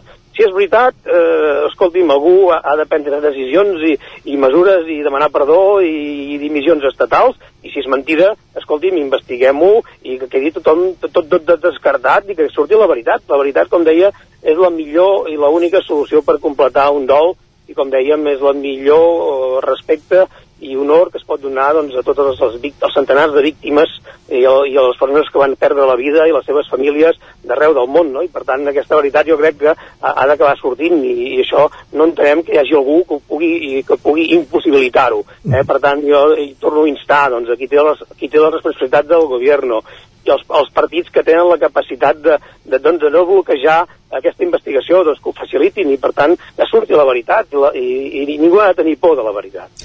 Davant la incompareixença de l'Estat teniu intenció a nivell de, de partit o fins i tot com a Ajuntament d'anar més enllà a instàncies europees? Bueno, l'Ajuntament ahir mateix es van posar també en contacte amb, el, amb un bufet d'advocats penalistes que ens representa i que ja vàrem demanar formar part del sumari d'aquest procediment judicial i se'ns va denegar per dues vegades eh, dient que a Ripoll no, no, érem, no podíem ser eh, perjudicats, quan realment com a, com a societat local i com a municipi eh, pensem que sí que hi ha hagut un, un, una, un, bueno, una, un perjudici a, a, a nivell social i per tant no se'ns va deixar compareixer en la causa. Ara, ara amb aquestes declaracions i amb tot aquest fet hem tornat a demanar als nostres assessors jurídics que ho tornin a mirar-ho eh, i de forma similar doncs, com també ens consta que, que, ho, que ho ha fet la presidenta del Parlament amb els serveis jurídics o com ho està fent també el govern de la Generalitat amb els serveis jurídics i per tant com a Ajuntament amb la modèstia de ser un Ajuntament petit intentarem també doncs, eh, poder apretar en, eh, en aquest sentit per, per arribar a completar la veritat que és una mica l'objectiu també que hauria de ser de tothom que cregui en la democràcia i que cregui doncs, en la llibertat dels ciutadans, no? I com dèiem, sempre amb aquest respecte profund a totes les víctimes, algunes d'elles doncs, que són de, de la comarca del Ripollès, de Can Davano, de Campelles, i per tant pensant en totes aquestes famílies doncs, que ho van passar malament i que, que ho van patir en primera persona, que van perdre familiars i, i, com, i com a societat no, democràtica que som. Mhm. No sé si en el pròxim ple, eh, Jordi, no sé si en l'extraordinari de pressupostos o, o el següent que vingui ordinari, eh, fareu algun tipus d'acció, alguna moció, entenc, per a, a condemnar doncs, a aquests fets i demanar doncs, aquesta investigació. No sé si hi ha prevista ja algun, alguna acció en aquest sentit. Sí, sí, vam parlar amb els portaveus dels grups eh, polítics municipals i en el plenari de gener doncs, eh, considerem doncs, fer una, una moció en aquest col, un acord, un acord del ple de l'Ajuntament de Ripoll, en el sentit d'instar eh, en els partits eh, en representació en el Congrés dels Diputats que tornin a, a demanar, a plantejar una comissió d'investigació, demanant als partits que en el seu moment la van bloquejar que en aquest cas no, ho- no ho bloquegin i també instant, en aquest cas, en el govern del país i de la Fiscalia que, que instin doncs, una, una investigació en aquest sentit arrel d'aquestes declaracions que, com deien, que, que se sumen amb una desinformació o amb un, amb un, amb un, amb un trencaclosses que no està complert a hores d'ara, no? Ni, ni el judici que es va fer amb els tres eh, empresonats no va poder-ho completar perquè van quedar moltes llacunes buides, no? o moltes preguntes a l'aire, que en aquest cas doncs, el, el jutge instructor no va voler eh, aprofundir ni va voler doncs, eh, buscar-ne derivades, no? com, vam, ve, com vam poder escoltar doncs, eh, amb aquest judici, que des de Ripoll també va ser seguit doncs, amb, amb, amb, amb preocupació i amb, amb interès, evidentment, com dèiem, perquè aquest tema doncs, va trasbalsar tota la societat ripollesa. pel bé de... és una qüestió humanitària, diguéssim, pel bé de, humanísticament parlant i també de la salut democràtica, esperem poder ten, completar alguna hora aquest tren que el closques que plantejava l'alcalde de Ripoll, Jordi Monell. Gràcies per ser avui al Territori 17. Moltes gràcies a vosaltres. Bon molt, dia. molt bon dia. I, per tant, gràcies Isaac també per ser en aquest moment en aquesta entrevista, com fèiem amb l'alcalde de Ripoll sobre aquestes declaracions que feia ahir l'excomissari de policia José Manuel Villarejo en un judici. Gràcies Isaac, fins ara. Fins ara. Continuem nosaltres ara a la taula de redacció. tot i que aquesta és la música de marxar-ne. Uh, continuem, com dèiem, a la taula de redacció i ara ho fem en companyia de- d'en de, Guillem Rico. Uh, hem parlat abans d'una moció de censura a set cases, hem parlat amb l'alcalde de Ripoll i ara parlem d'un altre ajuntament, en aquest cas del de Montesquieu, que hi va viure un canvi d'alcaldia, un canvi d'alcaldia però que no va ser gens uh, traumàtic, en aquest cas ja estava previst, uh, fruit del pacte de govern entre Junts i, i la CUP. Guillem Rico, bon dia. Hola, bon dia. Doncs sí, eh, es va fer aquest relleu a l'alcaldia, com deies, estava previst. Um, van signar un pacte l'any 2020, al febrer, entre eh, Junts per Catalunya i Som Montesquieu Amunt, que, seria, que és una llista que va associada a la CUP, uh -huh. uh, i es partien, el- van acordar que es partirien l'alcaldia després que l'antic govern d'Esquerra plegués per sorpresa de tothom, i, i això, ara arribava el, el termini, diguem, de, que tocava fer aquest canvi. Per tant, ahir Jaume Romeu va passar a la vara, aquest cop hi havia vara, eh, a l'últim ple no hi va haver vara, no, deien que no sabien on era, Uh, però resulta que tenen set vares a Montesquieu per tant al final sí que en tenen. Uh, li va passar la vara a Nuri Soler que era la cap de llista diguem de, de Som Montesquieu Per tant, la tercera alcaldessa la del tercera mandat. alcaldessa del mandat, exacte. Tots els caps de llista hauran estat alcaldes durant uns mesos, si més no. La primera vuit mesos, ara gairebé dos anys, i el, bueno, un any i mig, un any i mig, més o menys s'ho s'ho han anat partint així.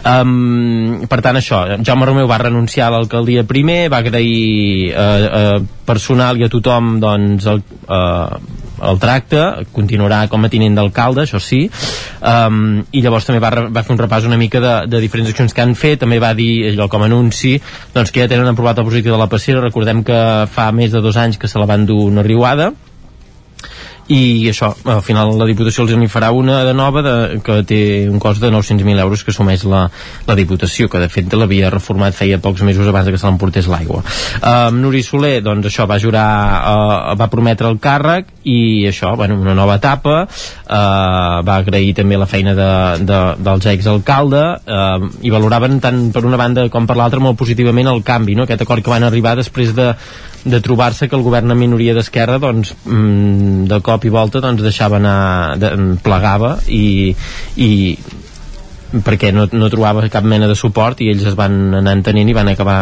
rubricant eh, aquest pacte. Des, de la, des del mateix grup de l'alcaldessa doncs el regidor Carles Colomó li va agrair una mica aquest esforç econòmic i personal deia perquè ella deixa una feina per ella és mestra, agafa entenc una excedència eh, per, per dedicar-se a l'alcal- a l'alcaldia i llavors sí que ell era, havia fet de tinent d'alcalde durant un poc més d'un any per, precisament per temes laborals de la ja eh, alcaldessa i llavors per tant eh, ara passarà a ser primer tinent d'alcalde eh, Jaume Romeu i Nuri Soler serà és ja l'alcaldessa. Pel que fa a la resta de carteres doncs queden igual com estaven simplement es passen la de Hisenda i L'alcaldia. Recursos Humans a, a, a l'alcaldia però continuaran tenint tots eh, les mateixes eh, regidories sí que va ser una presa de possessió atípica perquè es va fer de forma virtual, la gent només hi havia premsa, diguem, a, a la sala de plens i, i la gent ho seguien a través del YouTube o de la, en aquest cas de la ràdio municipal de, de Montesquieu eh, normalment en dies així sol haver-hi la sala de plens a vessar uh -huh. i com de fet l'última vegada va ser així eh, però en aquest cas doncs això va ser una mica una mica freds i que van haver aplaudiments. També va intervenir eh, l'exalcaldessa Sònia Muñoz d'Esquerra, que els hi va desitjar sort i encerts en la nova etapa i això que els tindrien al costat per ajudar en el que poguessin, deia, i de fet Nuri Soler en el seu discurs també els hi va estendre la mà als d'Esquerra per treballar algunes iniciatives de forma conjunta. Era una estesa de mà però que tampoc s'interpretava que fos més enllà d'un suport eh, una cosa cordial des de, des de darrere, exacte, no era pas cap oferiment entenc, eh, perquè entressin a, a formar part de, de, del govern. Per tant això, una nova eh, etapa, deien que deien que continuaran treballant de la mateixa manera que mm, durant aquest, eh, aquests pràcticament dos anys doncs els ha, els, ha, els ha funcionat molt bé deien, hi ha hagut bona entesa per part d'aquests quatre regidors, dos de dos de Junts i dos de, de Som Montesquieu recordem que Som Montesquieu eh, que ara agafa l'alcaldia en la segona força més votada. La primera va ser Esquerra que va treure tres regidors i Junts i, i Som van empatar eh, a, a, dos. 3-2-2 3-2-2 la igualtat eh, sí, tot i que per diferència de vots entre uns i altres hi han entre el primer i l'últim potser hi han 25 vots de diferència, eh? vull dir que va ser bastant ajustat, però sí que el que em va treure més va treure un regidor més. Doncs vist en perspectiva ja està bé que s'hagin repartit, ah, això, que tots tres hagin no? pogut ser tan, alcaldes. Tan apretat, doncs era això, no? Que, va, que en el fons seria això, sí, sí. Perfecte. Uh, doncs. Per tant, això, un canvi d'etapa, ja, això, ja previst, estàvem entre si seria finals de desembre o principis de gener, ja, ja va ser aquest uh, ahir, vaja. Doncs Nuri Soler, que serà l'alcaldessa de Montesquieu l'any i mig que queda de, de mandat si no hi ha cap més d'alta baix. Moltíssimes gràcies, Guillem, i Adéu, fins bon dia. aviat. Bon dia. Arribem al punt de les 11, moment d'actualitzar-nos al territori 17 després de la taula de redacció. I a aquesta hora, com dèiem, moment de posar-nos al dia amb les notícies del territori 17. Territori 17, amb Isaac Moreno i Jordi Sunyer.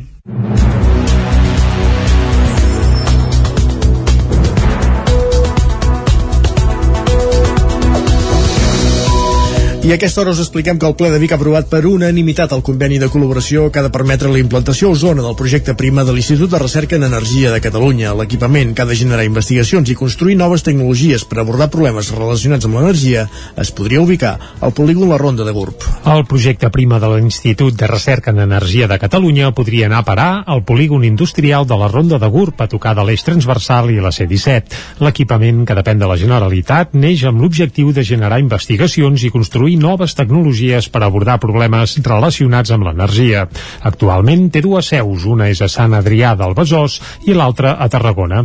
Ara se'n projecta una tercera que podria anar a GURB, on s'hi portarien a terme les proves a escala real dels projectes que desenvolupa l'Institut.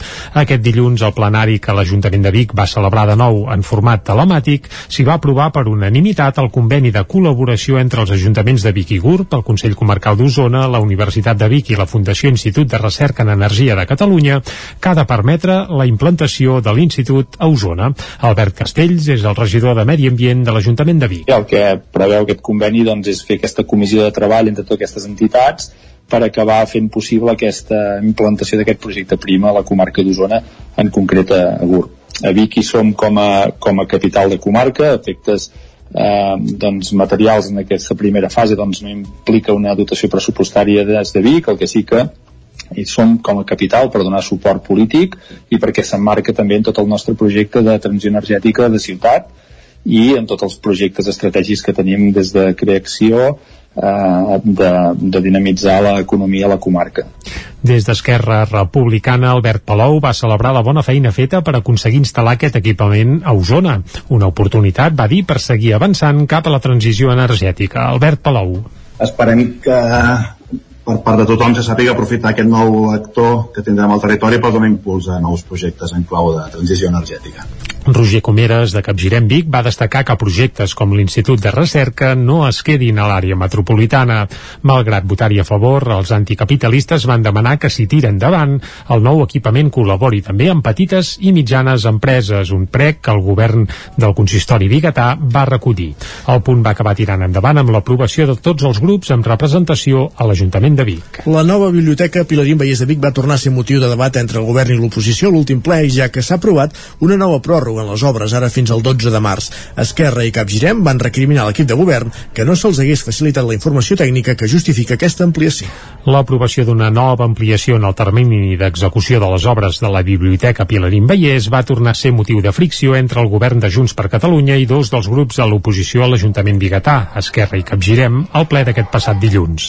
La pròrroga ara fins al dia 12 de març respon, segons va explicar la regidora d'Urbanisme Fabiana Palmero, al retard en la comunicació per part del consistori de la primera ampliació que va demanar l'empresa i a un nou centre de transformació elèctrica que s'ha de posar en marxa a l'equipament. Esquerra es va abstenir i Capgirem en aquest punt hi va votar en contra. Els dos grups consideren que la informació que se'ls va facilitar al ple l'haurien hagut de tenir a les comissions prèvies.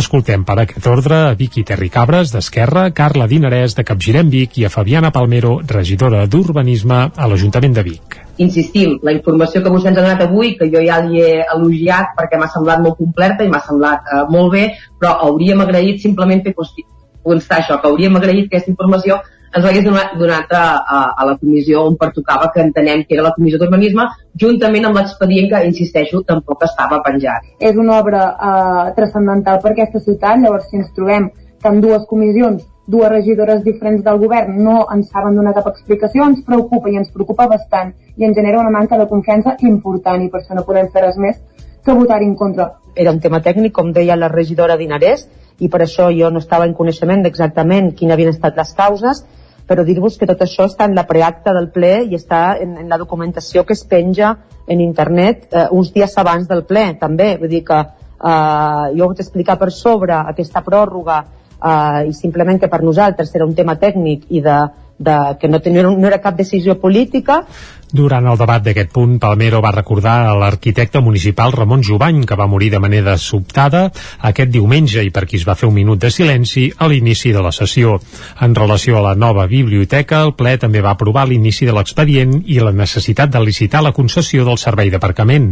Esquerra i Capgirem hi van votar en contra, considerant que la gestió de l'aparcament de la biblioteca l'hauria de fer directament l'Ajuntament. El PSC en aquest punt es va abstenir. La regidora socialista també es va abstenir en la moció de Capgirem Capgirem, que es va aprovar amb els vots favorables de la resta de grups per posar senyals a les entrades de Vic indicant que a la ciutat no s'hi toleren les violències masclistes ni LGTBI-fòbiques. CaixaBank guanya el concurs per instal·lar un caixó automàtic a Llanàs i l'Ajuntament busca ajuda econòmica per assumir el cost del servei. Isaac Muntades, des de la veu de Sant Joan. Llanàs està més a prop de tornar a tenir un caixer automàtic per retirar diners de la població després que fa dos mesos CaixaBank eliminés l'únic que hi havia al municipi. L'Ajuntament llanarenc ja ha fet els deures i va habilitar un espai molt visible en una de les arcades que hi ha al costat del bar de Cala Mercè, just a davant de la carretera que travessa el municipi. Les obres, que han durat un parell de mesos, van consistir a foradar la paret i col·locar-hi una porta de vidre i ferro. CaixaBank serà serà l'entitat concessionària després de guanyar el concurs que va encetar l'Ajuntament, ja que de fet va ser l'única que va presentar-s'hi. Tot i això, l'alcalde de Llanàs, Amadeu Rossell, va apuntar que en les pròximes setmanes s'han de negociar les condicions de l'adjudicació, un preu mensual que pot oscil·lar entre diverses xifres i que ja fa temps que s'està parlant. La proposta seva depèn de la durada del conveni que fem, si és a 5 o a 10 anys. Per tant, el preu varia. I em sembla que variava de uns 800 a uns 1.200 o així, depèn dels anys. Vull dir que uns 1.080 més IVA. Això va ser una primera presa de contacte contacte poder ja fa un any. I llavors, doncs, el tema és que hem de retornar-ho ara. En aquell moment, què vam fer? Vam parlar amb la caixa, perquè ells ens el traien, i per tant vam parlar de,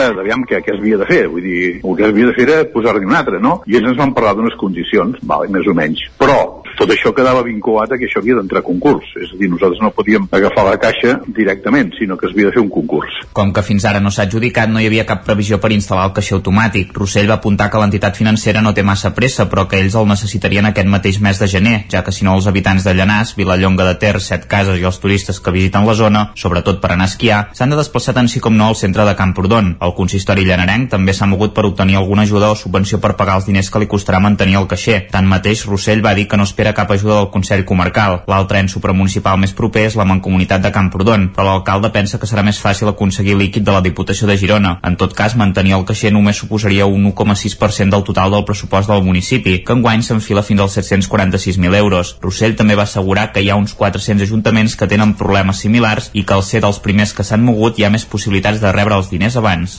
Una avaria deixa sense aigua 500 habitatges de Can Gili i la Terra Alta a Granollers. Akbar va restablir el subministrament ahir al vespre, després de dos dies sense aigua. Núria Lázaro, des de Ràdio Televisió, Cardedeu. El trencament d'una canonada de la xarxa de distribució d'aigua a Granollers ha afectat des de la matinada de dilluns uns 500 abonats dels barris de Can Gili de la Terra Alta que no tenien subministrament. Akbar, companyia concessòria, va restablir ahir al vespre cap a les 9 i de manera progressiva el subministrament d'aigua als habitatges afectats. La companyia va treballar amb una solució provisional, ja que segons Akbar el punt de la canonada malmès no es podia reparar amb una acció d'urgència. Estava a 4 metres de profunditat per sota d'un tub de clavegaram d'un metre de diàmetre que ja estava a 3 metres per sota del nivell de la terra. Tot plegat a més sota les vies del tren de la línia R3. Akbar va instal·lar camions cisterna i 5 dipòsits per subministrar aigua als veïns de la zona afectats pel tall. Algunes persones veïnes de la zona van mostrar el seu malestar a les xarxes pel tall de subministrament, n'hi ha que denunciaven l'estat d'abandonament de la xarxa i criticaven el model de gestió del servei a través d'una empresa privada. La protectora d'animals d'Osona té un centenar de gossos i una vuitantena de gats esperant que alguna família se'n vulgui fer càrrec. Darrerament ha crescut la tendència d'adopcions d'exemplars d'edat de, avançada o amb problemes de salut per tal que els animals tinguin una llar en els seus últims anys de vida. I aquest és el cas de la Lida, una gossa de més de 10 anys i amb problemes d'artrosi que des de fa poc viu a Manlleu, a casa de la Valentina Gaspar i na Raquel Garcia. Actualment la Lida es troba en situació d'acollida per tal que més endavant elles mateixes o alguna altra família la pugui adoptar des de la protectora d'animals d'Osona. La Gala, que també té més de 10 anys, sí que conviu ja amb la Raquel i la Valentina a ple dret des de fa uns mesos i així relaten com és l'experiència. Nos contaron la historia y la verdad nos conmovió mucho que siendo así tan viejitas y tuvieran problemas de salud que nadie las quisiera como que las queremos nosotras. Entonces nos conmovió mucho tener la idea de darle una mejor vida a los perros.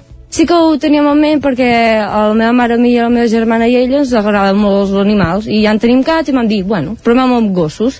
La verdad es que no nos importa la edad del perro. Y si es mayores, pues mejor porque se suelen quedar en la protectora abandonados y pues abandonados en el sentido de que nadie los adopta. Y pues hace ilusión darles una oportunidad de vida mejorada a Ah. ellos.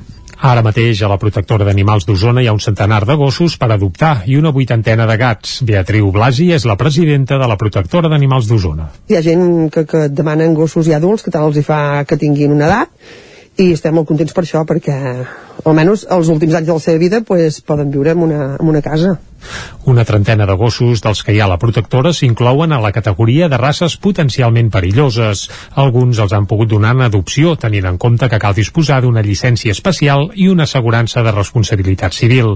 Des de la protectora usonenca demanen que el cost extra que suposa tenir un gos d'aquest tipus sigui menor i que les autoritats tinguin cura a l'hora de comissar aquest tipus de gossos per no saturar les protectores. Manoli Manrique és membre de la protectora d'animals usonenca. si no tiene los papeles, eh, no se lo quites de buena primera. Primero eh, habla con la persona y te damos un tiempo de margen, sácate estos papeles, esto y esto, lo que te haga falta. Eh, casi todo lo que los pipos que están en las protectoras son recomisos, porque o abandonos también, porque mm, nosotros tenemos unos cuantos de que no lo han traído porque se lo han encontrado en un árbol atado, en el bosque o lo que sea.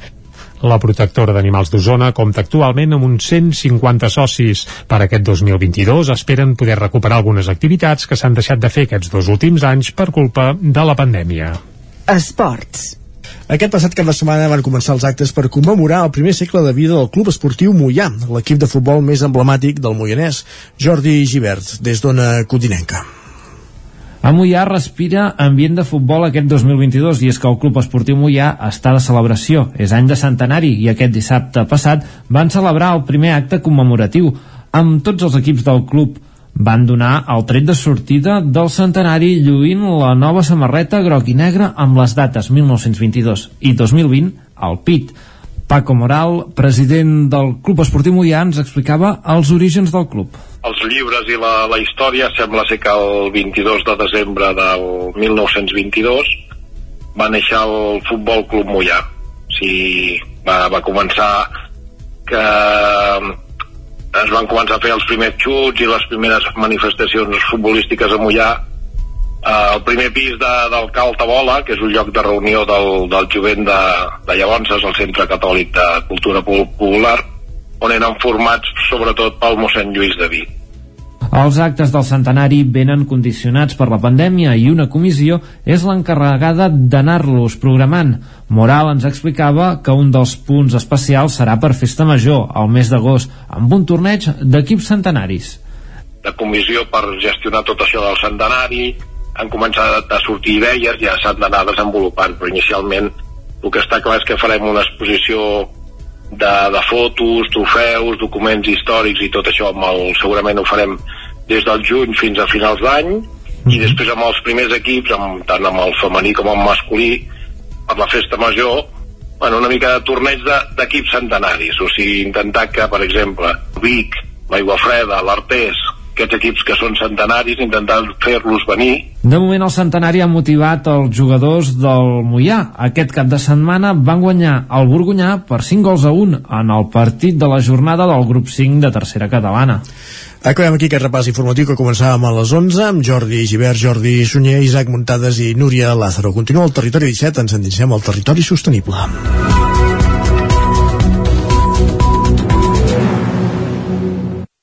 Territori 17 i és precisament Jordi Givert qui ens acompanya cada setmana al Territori Sostenible. Avui dedicat als calçots, un minut i un quart de dotze. Avui al Territori Sostenible volem preparar-nos ja per la següent tongada d'àpats que ens esperen després d'aquestes festes nadalenques i és que arriba el temps de les calçotades. Per això ens acostem fins a Vigues i Riells del Fai Allà tenim en Joan Vila de l'empresa Flix que ens parlarà de la producció de calçots, de com es fan els calçots que ens esperen per aquesta hivern-primavera. Hola Joan, bona tarda. Hola, bona tarda. Uh, Joan, uh, primer de tot, uh, situa'ns una mica, uh, és típic d'aquí a la zona de Vigues i Riells uh, del FAI fer calçots o com entreu vosaltres uh, en la producció de calçots? Sí, ja des de sempre se n'havien anat fent, el que passa és que els darrers, abans es feien molt per l'hort i això, els típics ceballots, i ara doncs des de ja fa 10 o 12 anys doncs cada cop se'n cada cop se'n fan més i en aquí la zona amb la Terra Calcària es donen força bé, eh, per això. Uh mhm. -huh. I, I vosaltres, uh, quin volum de calçots uh, feu uh, cada any? No sé si en els últims temps aneu més a l'alça, si amb la pandèmia heu hagut de reduir producció, Ah, en quin grapats, no sé com ho conteu això, serà amb tones, Anem suposo? gairebé sempre, els, els darrers anys fem els mateixos, fem unes 4 hectàrees, 4 i mitja, i això volta els 600-700 mil calçots. Eh, van en manats de 25, vol dir que, bueno, però els contem amb unitats, la Va. producció global. Sí. Uh, i on, on es poden trobar aquests calçots? Aquí, quins són els vostres uh, bueno, mercats? Nosaltres el, ens servim el, en una cadena de supermercats, es pot dir, a bon preu, uh mhm. -huh. i després doncs també els que ens els venen a comprar aquí a casa el cap de setmana i, i després també servim algun restaurant uh mhm. -huh. i, i és la, els canals normals de, de comercialitzar. Uh, heu notat que ja han començat a arribar aquestes calçotades o encara anem una mica massa d'hora aquí al programa? No, ja, ja se n'han fet, ja aquests, eh, normalment des de ja el 7 al 8 de novembre ja, ja comencen les primeres calçotades.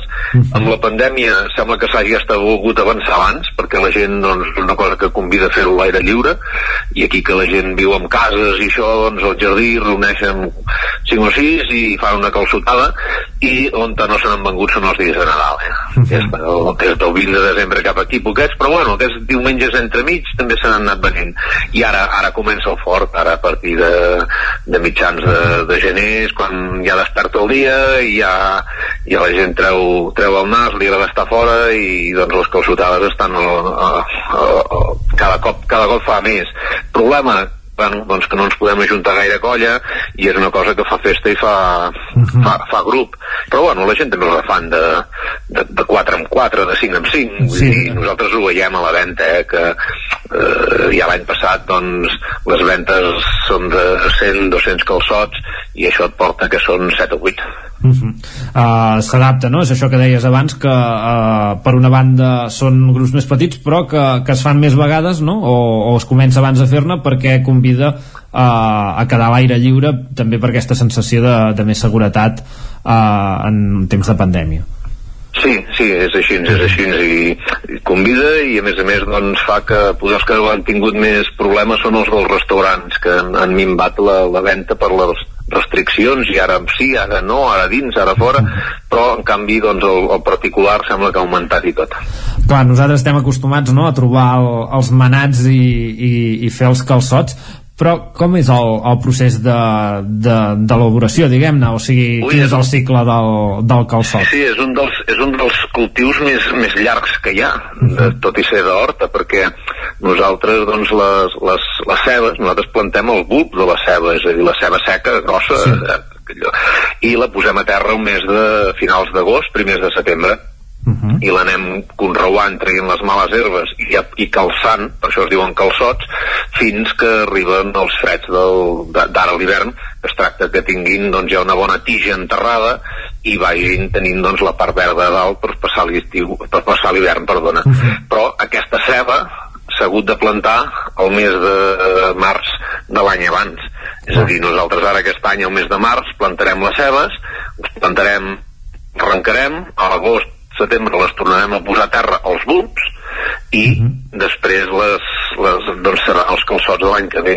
Les cebes, per exemple, d'aquest any, les van néixer de llavor, les que ara menjarem els calçots van néixer de llavor doncs, sobre la primera, segona setmana de desembre de l'any déu nhi o sigui, és un any de... un any, un any, de, tenen un any de vida, de vida. i han, fet, i han patit una, una arrencada i després una brotada. Uh -huh. uh, doncs el, uh, aquesta porta la, la feina del dia a dia ens l'has explicat uh, una, una mica uh, aquests diferents passos, quina és la que porta més feina, on s'ha d'estar més al cas?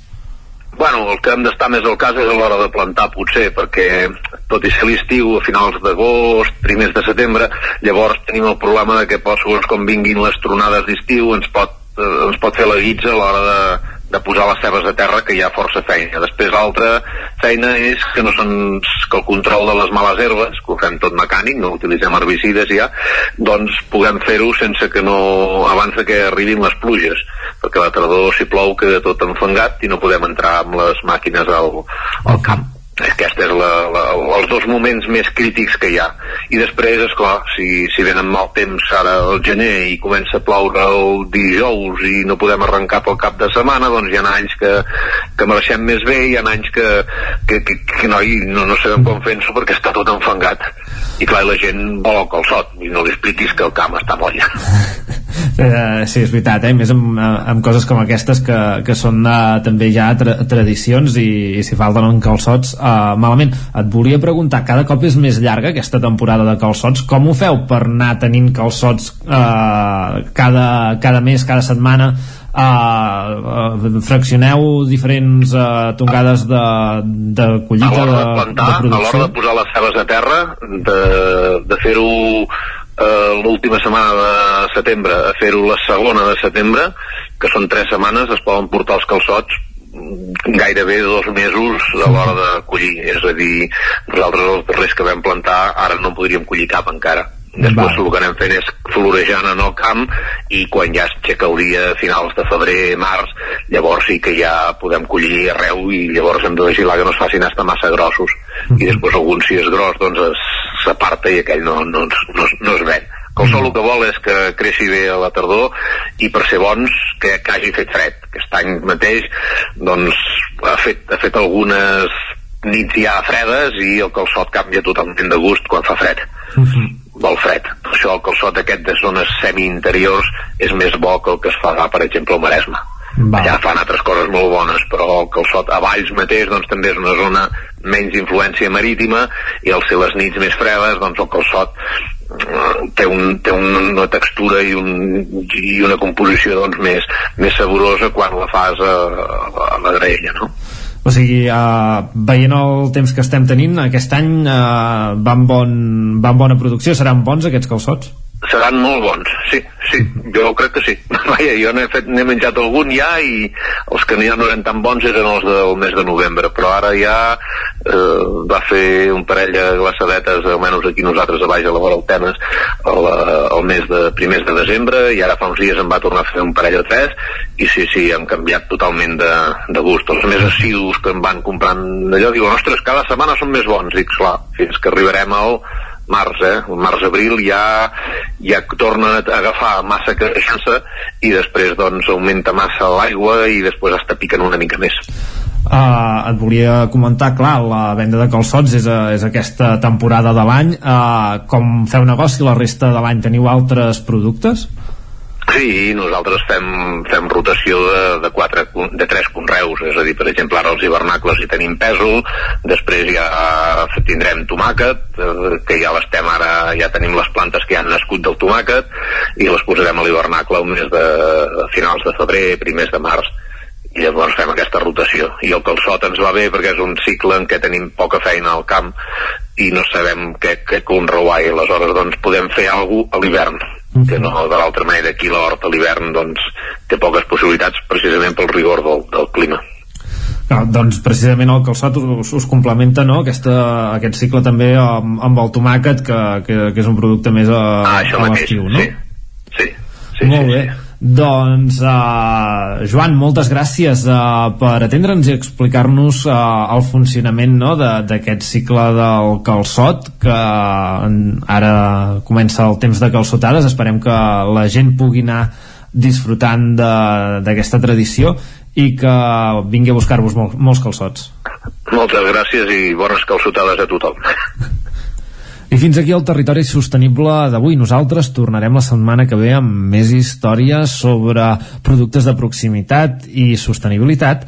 Aquí al Territori 17 us deixem amb els companys que seguiran tractant i analitzant l'actualitat dels nostres pobles i comarques. Molt bé, moltíssimes gràcies Jordi per acostar-nos a aquest altre exemple d'activitat sostenible al territori, en aquest cas avui parlant d'aquests calçots que ja ens fan venir salivera de cara, salivera de cara a la temporada que el sotaire.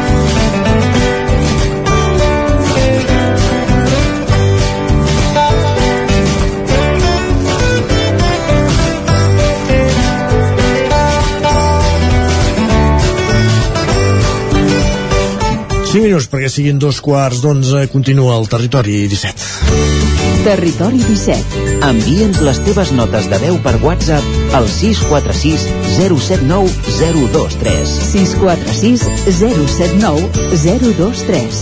WhatsApp Territori 17.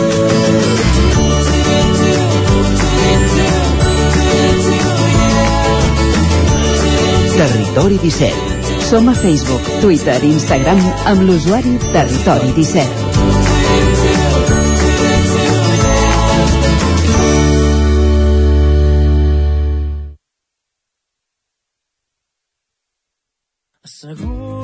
I el que fem al Territori 17 abans de la pausa per arribar al punt de dos quarts és posar una mica de música. Avui amb Cesc Freixes, la petita rambla del Poble Sec. On comença el carrer Blai que és la petita rambla del poble sec. Parlen de la pluja que ha plogut, imatges molles als miralls damunt l'asfalt. Potser és per això que el teatre està tan buit. Potser és per això que avui sento tan buides les meves mans. Tornarem a posar els peus damunt la sorra a la platja de Barcelona alguna nit de juliol. I escriurem que no ens prendran mai més la vida, que donem veu a les veles quan cantem rumbes al port. Parlen de la vida que ha de vindre, de tots els homes que estimen els altres homes.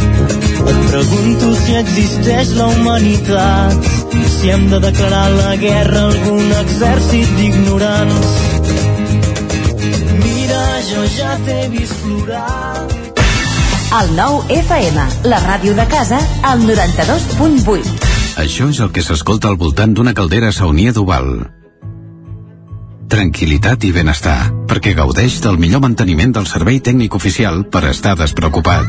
O el que vulgui. Informis a Oficiat Nord trucant al 938860040. Saunia d'Oval, sempre al seu costat.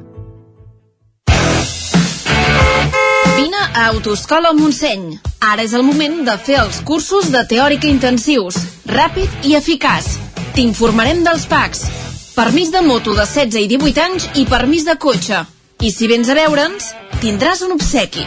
Apunta't i no t'ho pensis més. Per més informació, Autoscola Montseny, Rambla de Vallades, número 13 de Vic. Busca'ns a Instagram i Facebook. Anuncia't al 9FM. La màquina de casa. 9 3 8 8 9 4 9 4 9 Publicitat arroba al 9FM.cat. Anuncia't al 9FM. La publicitat més eficaç. Saps què és el confort intel·ligent? És tenir un terra radiant Giacomini a casa. Benestar que no es veu, però es nota tot l'any. I que pots controlar a distància des del teu mòbil, estalviant energia i diners. Suma't al confort intel·ligent amb Giacomini. Informa't a giacomini.es o truca al 93 884 1001 i t'ajudarem a tenir un terra radiant a casa o a l'oficina. Giacomini, la climatització que et mereixes. Les males herbes no et deixen veure-hi clar? Amb Sebastià Vivet això s'acabarà. Desbrossaments forestals de finques i terrenys, treballs d'hort i boscos amb tractor, tallem gespa a l'engròs, som professionals i tenim tota la maquinària necessària. Truca'ns al 636 24 22 85. Sebastià Vivet, preparats pel que cal. Cocodril Club. Si t'agrada la bona música dels anys 60, 70 i 80, escolta el 9 FM als matins de dissabtes i diumenges d'11 a 1.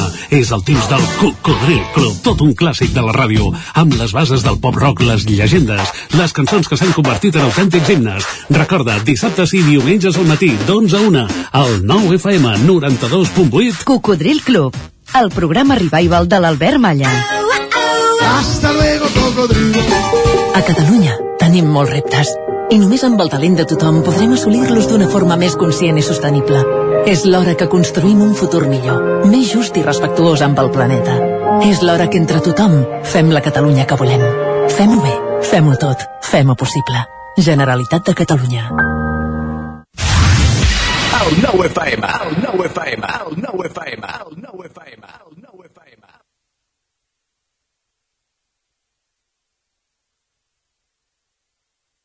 Territori 17 A Tren d'Alba. Cada dia els usuaris de la línia R3 de Rodalies que veuen sortir el sol des d'un vagó ens expliquen les gràcies i les penes del primer comboi que uneix Ripoll i Barcelona. Benvinguts a Tren d'Alba. Ja us ho explicarà personalment la Glòria, però el fet que ara teletreballi i no baixi a Barcelona a treballar era un dèficit molt important per a aquesta secció, que ja ha estat tocada de mort més d'una vegada, perquè sense ella això no és el mateix, no ens enganyem. Total, que ens farà cròniques des de casa per explicar la feina del col·lectiu perquè no ens fotin el tren des de l'any passat. Ja en tinc ganes. Endavant. Hola, molt bon dia. Aquí la Glòria des de Torelló. Mm, Seguim fent teletreball, en un principi fins al 18 de febrer, o sigui que aquests dies hem estat parlant amb l'Isaac de què podia fer, ja que no viatjaré amb tren cap a la ciutat, i vam quedar que parlaríem del tren en general. I com que jo sóc membre del grup perquè no ens fotin el tren, ahir vam tenir una, una reunió amb els del grup i els hi vaig proposar de fer un repàs de tot el que s'ha fet uh, durant, durant aquest novè any de treball del grup perquè no ens fotin el tren a per quadrimestres. I tothom hi va estar d'acord, o sigui que avui comença aquesta sèrie de, que seran quatre setmanes més o menys en què us explicaré més o menys el que un, un petit resum del que hem fet cada trimestre dins del grup perquè no ens fotin el tren. Doncs el primer trimestre del, de l'any 2021 va ser un trimestre molt interessant perquè va passar una cosa que mai havia passat encara a la línia R3 i és que va haver-hi hi ha hagut un lideratge polític que ha decidit posar-se amb el fer el seguiment del desdoblament de la línia R3 i s'ha creat, es va crear una, una comissió liderada per el regidor de Vic, Josep Arimany, en la qual, en la qual hi ha implicats diversos agents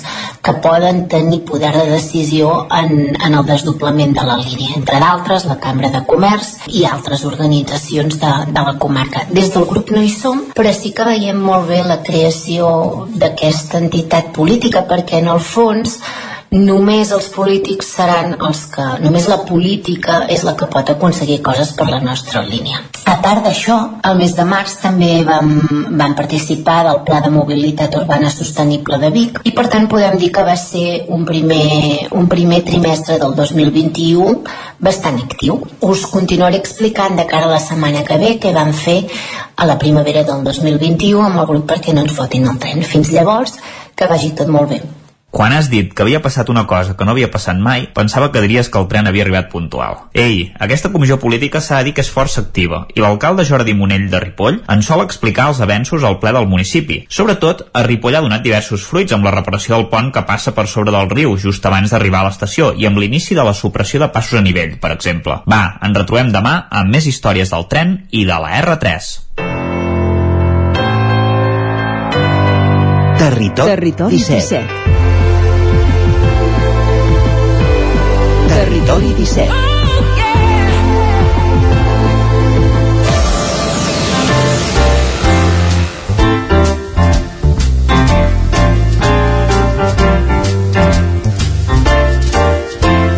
Tres minuts i mig que passen del punt de dos quarts de dotze i ens endinsem com cada dimecres a aquesta hora a l'agenda cultural per als propers dies a les nostres comarques.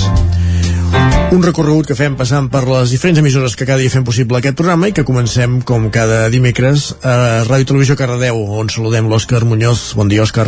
Doncs comencem el repàs cultural. Dissabte, aquí a Cardedeu, arriba al Teatre Auditori l'obra Els ocells, de la Calòrica, on un grup de persones que no poden tornar a casa tenen una trobada accidental amb un puput que els torna doncs, a plantejar un canvi de vida. Aquesta producció arriba amb la col·laboració del Festival Temporada Alta i la Sala Beckett dissabte a les 9 al Teatre Auditori de Cardedeu amb un cost de 15 euros.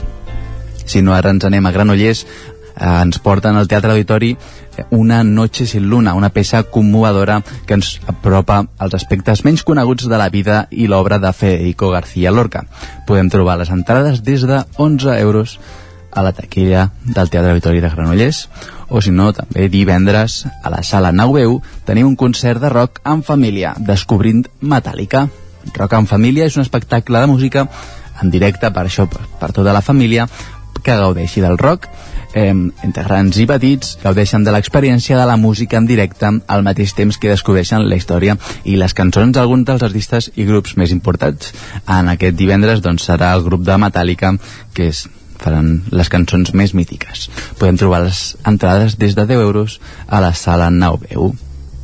I acabem també així a Granollers. Dissabte ve la Judit Nederman al Teatre Auditori. Ve a presentar Aire, que és el seu quart àlbum, i també el primer que va gravar en castellà, gràcies a un viatge que va fer a Cuba i amb el vincro que té amb l'Alejandro Sanz. Eh, doncs això, la Judit Nederman s'ha llançat a fer disc amb aquest canvi d'idioma per arribar doncs, a més gent encara queden entrades al web del Teatre Auditori, així que si voleu anar a veure la Judit Nederman i no l'he pogut anar a veure en altre lloc, aquí a Granollers, dissabte eh, la tenim. Perfecte, gràcies Òscar i anem dels estudis de Ràdio Televisió Cardeu els dona Codinenco on ens hi espera en Jordi Givert bon dia Jordi L'agenda cultural per aquesta setmana passa per art i cinema. A l'estany es pot visitar Set Mirada Set, l'exposició feta conjuntament per set artistes residents al mateix poble. A Caldes de Montbui la biblioteca acull l'exposició El català, jugues? La mostra té l'objectiu de conscienciar la població sobre la importància de defensar el dret que tenen els infants a poder jugar amb la seva llengua. L'exposició ha estat dissenyada per la creadora de les Tres Bessones, Roser Capdevila. Diumenge Santa Maria d'Oló torna al cicle Gaudí amb la projecció del film Pan de Limón con semilla de amapola, l'adaptació de la novel·la de Cristina Campos amb el mateix nom que ens trasllada a un petit poble de Mallorca on dues germanes es retroben per vendre un antic forn que acaben d'heredar una pel·lícula dirigida per Benito Zambrano i protagonitzada per Elia Galera i Eva Martín. I a Mollà ja han obert les inscripcions del primer taller del nou espai d'art contemporani. La coberta ha organitzat el taller Espigolar per crear pel proper 22 de gener, un taller d'escultura i pintura amb elements orgànics. Gràcies, Jordi, i també dels estudis d'una codinenca. Saltem els de la veu de Sant Joan. Saludem de nou l'Isaac Muntades. Bon dia, Isaac. Ja, de nou. I abans d'entrar en l'àmbit, en la, el repàs de l'agenda cultural al Ripollès, si sembla, fem un apunt del que ja ens comentava fa una hora en Jordi Monell, l'alcalde de Ripoll, que avui José Manuel Villarejo, abans d'entrar al judici, s'ha tornat a referir en declaracions als mitjans eh, el que va dir ahir, eh, la implicació de, de, del CNI, la presumpta implicació del CNI eh, en els atentats de, de Ripoll i bé, el que ha fet és, és aprofundir bàsicament amb el que ja va deixar anar, no? Sí, a, a, de fet el que ha fet sobretot és, és matisar, no? Ell ha explicat que en cap cas doncs, eh, no volia l'estat espanyol ni el CNI causar un atemptat eh, en el 17 d'agost de, de l'any 2017 a Barcelona i Cambrils però que se'ls hi va escapar de les mans que això ja ho va dir una mica. El que passa és que sí que ell ha dit que clar, aquestes tesis que a vegades eh, porten el que ens comentava abans l'alcalde Jordi Monella les teories de la conspiració doncs ell diu que això ho pot demostrar que en té proves i que només eh, caldria consultar els seus arxius, els quals ara mateix no es poden consultar, bàsicament perquè estan eh, sota secret eh, de sumari, per tant, mm, per ara no sabrem exactament a què es refereix eh, José Manuel Villarejo.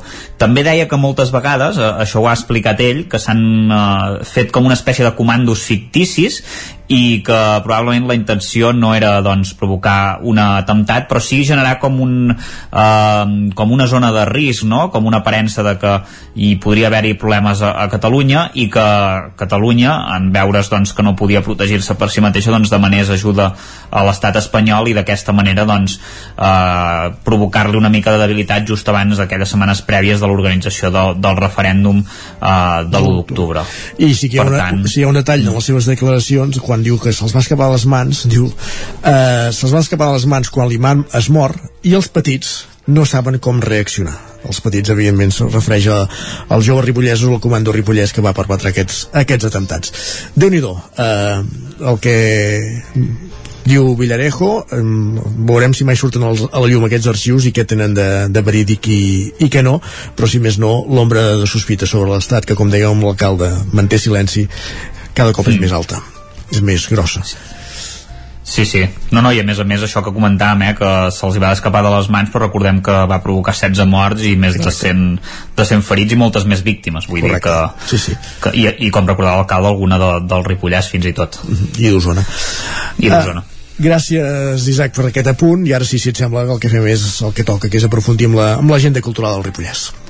Doncs mireu, tenim al algunes coses, no masses, perquè després de, de Reis eh, no hi ha molta activitat, però alguna cosa tenim. Aquest dijous, per exemple, hi ha una xerrada a càrrec de, de Ramon Musac, que demà precisament l'entrevistarem aquí al Territori 17 eh, com a membre de la plataforma El Ripollès Existeix, però en aquest cas no va de res absolutament eh, d'això la xerrada, sinó que és de, de cinema, com algunes altres vegades ja us hem explicat.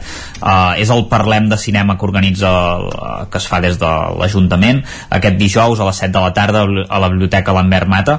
Aquest cop eh, parlarà de la pel·lícula Nomadland, de Jessica Bruder, que parla d'una dona que ho ha perdut eh, tot durant la recessió i aquesta dona s'embarca doncs, en un viatge cap a l'oest americà vivint com una nòmada en una caravana i després del col·lapse econòmic que va afectar la seva ciutat, que està en una, ubicada en una zona rural de Nevada, la Fern, que és com es diu la, la protagonista, agafa la camioneta i posa rumb a explorar una vida fora de la societat convencional com una nòmada moderna. Això serà uh, aquest dijous. Uh, la, la, també hi ha una altra activitat com és la presentació d'un llibre eh, encara a Ripoll aquest divendres a les 7 de la tarda també a la Biblioteca Lambert Mata es tracta del llibre Salvem els mots que és una obra de Jordi Badia que és corrector, filòleg i cap d'estil del diari digital VilaWeb uh mhm. -huh. l'acte està organitzat per uh, Òmnium Ripollès eh, i ens fa un joc de paraules per convidar-nos-hi Uh, ens diu això, eh? ens demana si a cal dentista hi aneu amb una dent corcada, amb una càries i si per una celebració us arregleu i aneu mudats o ben empoleinats, no? diverses maneres de dir les coses eh, que evidentment no sempre les diem perquè algunes són més recargolades en el sentit de, de la llengua però, però que està, està bé conèixer-les i evidentment doncs, en un moment tan important que en aquest context no, que estem vivint eh, polític sobretot també que s'està polititzant una mica tot que la llengua també està rebent eh, força atacs tant a, tant a l'escola i que Uh, darrerament hem tingut la polèmica de les, de les sèries també de, de les quotes a Netflix i fins i tot de polèmiques de concursos de televisió per al tema de, del blat que si li diem blat o li diem trigo o tric, no sé com li dieu vosaltres però jo en tot cas li dic plat, això està clar. Sí, jo també. I... algun tuit comentava també que, que en lloc de posar-se tant amb el blat comencem a dir si va d'allò que posem a la llet eh, quan demanem un tallat. un, un tallat vegetal i no la traducció al castellà. En fi, pots continuar, perdona. Sí, que, que, que, que és avena. No, i et faig un apunt, eh, perquè jo ho vaig mirar i resulta que avena és correcte. Veus? Potser aquest és el problema, També. que, que s'ha corregit i, i per això la gent ja no li diu cibada, que és com s'hauria de dir, però bé, és igual.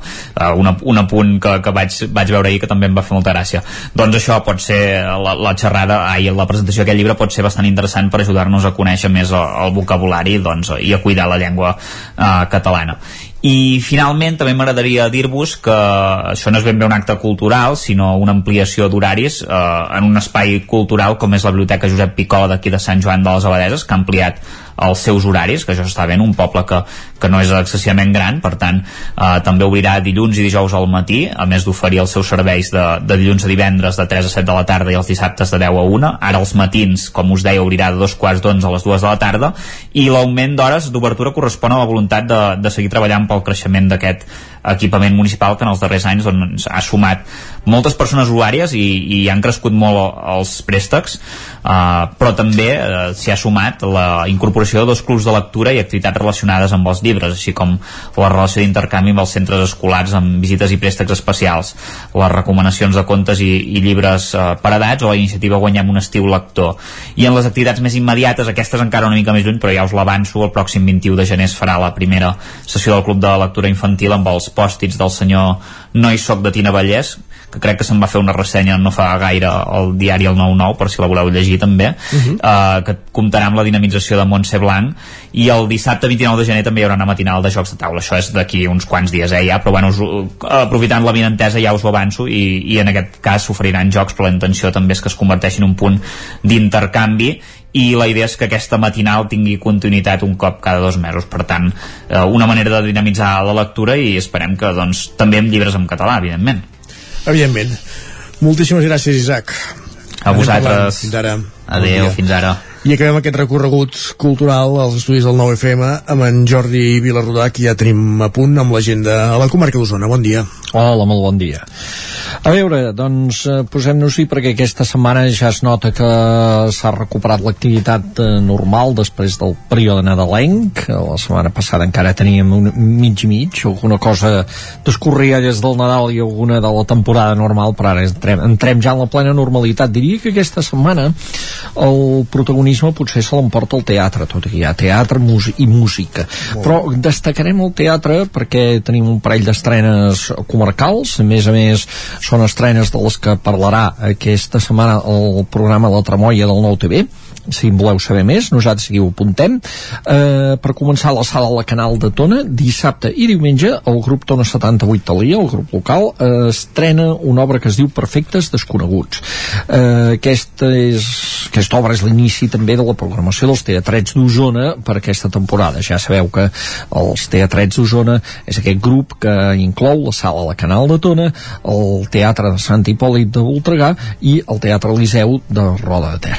Eh, doncs el, el canal de Tona que més, a més a més de tot això celebra aquest any el 25è aniversari s'hi estrena Perfectes Desconeguts que parteix, és una comèdia que parteix d'una eh, pel·lícula d'un italià mm, de Paolo Genovese que planteja una situació tot divertida. És a dir, es tracta mm, d'un grup d'amics que queda per sopar i fan un, un pacte d'aquests eh, que, que estranys que a vegades es fan sense pensar en les conseqüències. De dir, deixem els telèfons sobre la taula, els mòbils i qualsevol missatge o qualsevol trucada l'haurem d'atendre eh, o, i, i explicar, si és una trucada doncs atendre-la davant dels altres i si és un missatge doncs explicar el missatge que hem rebut. No em dir, va, juguem a la transparència. Mare doncs clar, això, això és perillós això, eh? i es desencadena ja es podeu imaginar que es desencadena. Aquesta obra ja s'ha fet en diferents escenaris es havia fet a Barcelona en teatres i ara aquesta versió que en fa el grup Dona 78 Talia és dirigida per l'Ester Riera i amb els sectors eh, tonencs de la companyia que seran els que la representaran. Com dèiem, el dissabte a les eh, 10 de la nit i el diumenge a les 6 de la tarda a la Canal molt bé, doncs prenem I nota. prenem nota. I anem per una altra estrena comarcal, que aquesta és a Torelló, el Teatre Sirvianum, on el dissabte eh, ressuscita, diguem, una companyia que era SSS Teatre, mm -hmm. tres S i tres punts suspensius, teatre. teatre. I aquesta companyia mm, torna a l'activitat, de fet, amb la posada en escena d'un monòleg eh, del uh, Montserrat Roig. El Montserrat Roig, doncs, ara precisament va fer 30 anys de la seva mort el passat mes de novembre suposo que per això també doncs, es, es recupera la seva obra, en aquest cas obra teatral, ella és més coneguda evidentment com a novel·lista, com a narradora, però va escriure obres de teatre, i en aquest cas eh, un monòleg que es diu Clito Mestres. Aquest el va escriure la Montserrat Roig pensant en la seva germana, la Glòria Roig, que era actriu, eh, i que i per tant doncs, la seva germana li va fer un monòleg amb moltes referències familiars, parlant a més a més amb molta visió doncs, vista des d'ara de, la, de, la, de la visió femenina del món i de la literatura amb la necessitat de reinterpretar els mites clàssics i aquí fa referència al títol. O sigui, és, el monòleg es diu Clito Mestres eh, i eh, fa referència al personatge de Clitemnestra que és de les tragèdies gregues. Eh, i l'interpreta precisament doncs, o sigui, el paper que fa l'actriu és el d'una el paper de la protagonista diguem és el d'una actriu que està a punt de sortir a l'escenari per interpretar aquest personatge. I eh, aquesta actriu en aquest cas és la Montse Arqués. O sigui que tot queda uh, a casa. I dirigit també el monòleg per l'Ester Bassaganya. Uh, una obra teatral amb la que comença doncs uh, doncs fet ja va començar perdó la setmana passada amb una gala de Sir la temporada del Sirvianum en aquest cas i que es podrà veure el dissabte a les 6 de, perdó, el diumenge a les 6 de la tarda al Teatre Sirvianum. Eh, i, i una tercera obra que, que, teatral que en aquest cas no és uh, comarcal Nadal aquesta és el dissabte a dos quarts de nou del vespre al Teatre Centre de Manlleu. I arriba un muntatge que es diu Shakespeare, Shakespeare i Beckett Maleïts bessons. Eh, és dirigit per en Jordi Coca una persona que ho ha estat tot en el món del teatre català eh, com a autor, com a director eh, interpretat en aquest cas per l'Ester Bové i la Vicky Sans i en Coca aquí ens presenta d'alguna manera què compartim tota la humanitat? La humanitat podríem ser una colla de bessons, eh? per això es diu bessons. Eh, i, I a través de dos autors com Shakespeare i Beckett, que han set dos autors que han interpretat molt bé l'ànima humana, doncs ens planteja tot això que compartim els humans, ambicions, pors, eh, odis, enveges, etc. i sobretot una cosa, que tots naixem i tots ens morim. Eh, i anem ara per coses que no són de teatre, en aquest cas, sinó de música. Ah. De, anem, anem per coses musicals. A l'Atlàntida hi tenim el dissabte un concert, eh, un concert eh, pel que ja estan exaurides totes les entrades. És a dir, a veure, tampoc ara aquí no direm aneu i aneu i no, perquè no hi podreu anar, ja no hi ha entrades a la venda. Però sempre pot passar allò que hi hagi una baixa covidiana d'última hora, eh? eh això sempre o pot més passar. O més d'una. Eh, és un concert sobre les millors bandes sonores de pel·lícules de Disney, ah, sí? a càrrec de la Fran Franz Schubert Filharmonia, aquesta orquestra dirigida per Marc Timon. Marc Timon és un dels nostres tot terrenys de la música, és un personatge espectacular, compositor, músic, director d'orquestra, que va des de registres, des de les sardanes a la música clàssica, passant per aquest ara dirigint bandes sonores de pel·lícules i a més a més composant sèrie, música de sèries de televisió als Estats Units. És, és un crac, el Marc Timon, que dirigirà la Franz Schubert Filharmonia en aquest recull de bandes sonores Frozen, El rei lleó Aladí, La vella i la bèstia, etc etc. Totes, qui vagi a concert veurà que totes li sonen, totes li sonen mm, eh, de fet des de des de bandes sonores molt més antigues eh? de Pinocho, per exemple, de la primera versió un recull, doncs, de les cançons mm, de les pel·lícules de Disney a l'Atlàntida, i també a l'Atlàntida però en aquest cas serà diumenge el concert que tanca el cicle aquest de grans concerts que s'ha vingut vingut doncs, fent des del mes de setembre, des de l'inici de la temporada, en aquest cas amb un dels quartets catalans joves mm, que està despuntant, el Cosmos Quartet, i a més a més amb la incorporació, amb l'afegit del violoncel·lista del quartet Casals, l'Arnau Tomàs.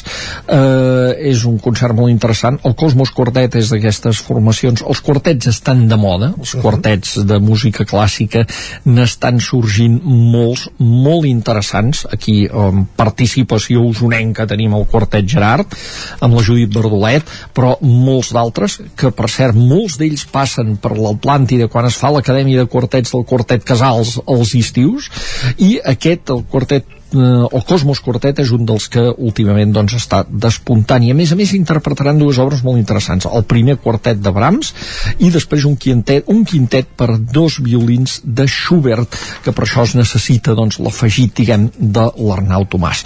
Eh, aquest concert serà el diumenge a les 6 de la tarda a la sala Joaquim Maideu i abans, una hora abans com sempre sol passar, hi haurà una xerrada divulgativa entorn d'aquest concert, d'aquesta actuació. Eh, i una altra de música, una altra proposta de música, que aquesta és el dissabte dos quarts de nou del vespre al Casal Francesc Macià de Centelles, en què la Gent Momet tancarà la gira que ha estat fent de Màtria, del seu disc Màtria, que de fet es va estrenar mmm, gairebé doncs, en plena pandèmia la primera actuació que va poder fer si no recordo malament va ser el Mercat de Música Viva de Vic de l'any 2020 o sigui aquell mercat super, super reduït que, sí. que es va fer dels Hermanos. a la Bassa dels Hermanos sí senyor, sí senyor, quina memòria que tenim quina memòria que tenim I era.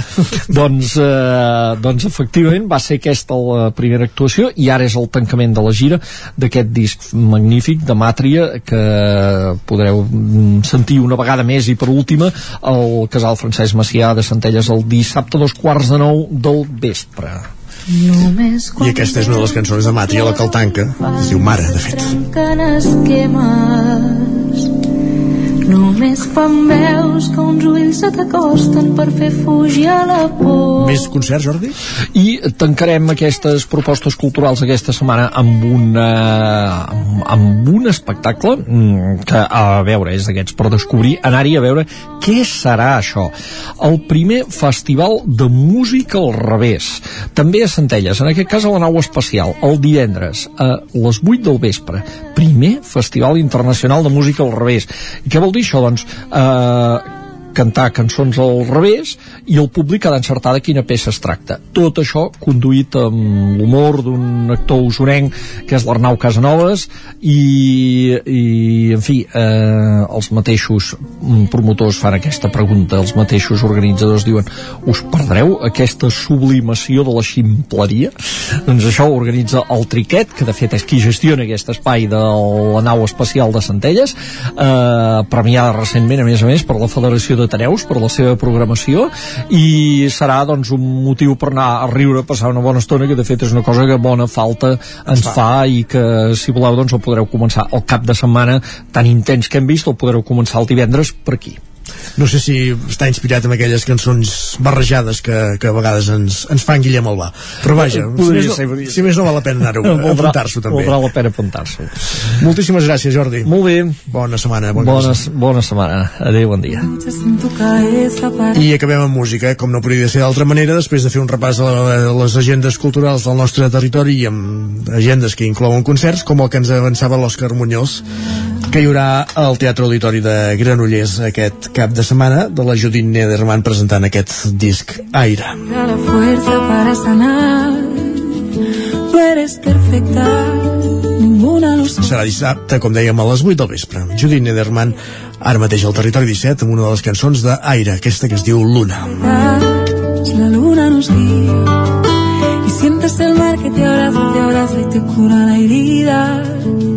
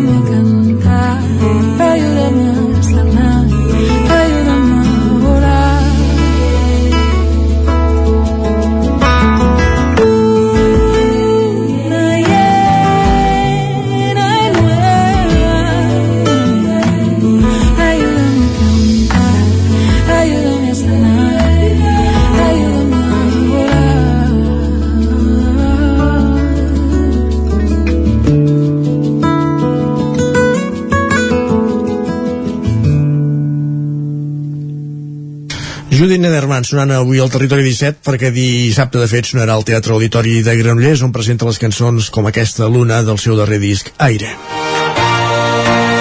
I amb ell acabem el Territori 17 d'avui dimecres 12 de gener de 2022.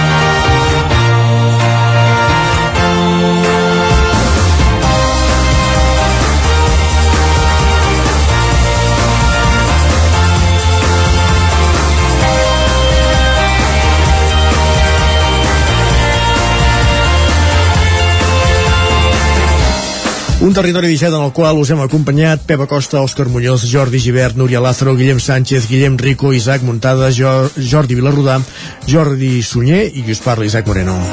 I tornarem demà a partir de la mateixa hora, a partir de les 9, a la sintonia de les vostres emissores. Aquí al Territori 17, que acabi d'anar molt bé aquest dimecres. Bon dia. Territori 17, un magazín del nou FM. La veu de Sant Joan, Ona Codinenca i Ràdio Cardedeu amb el suport de la xarxa. El nou FM.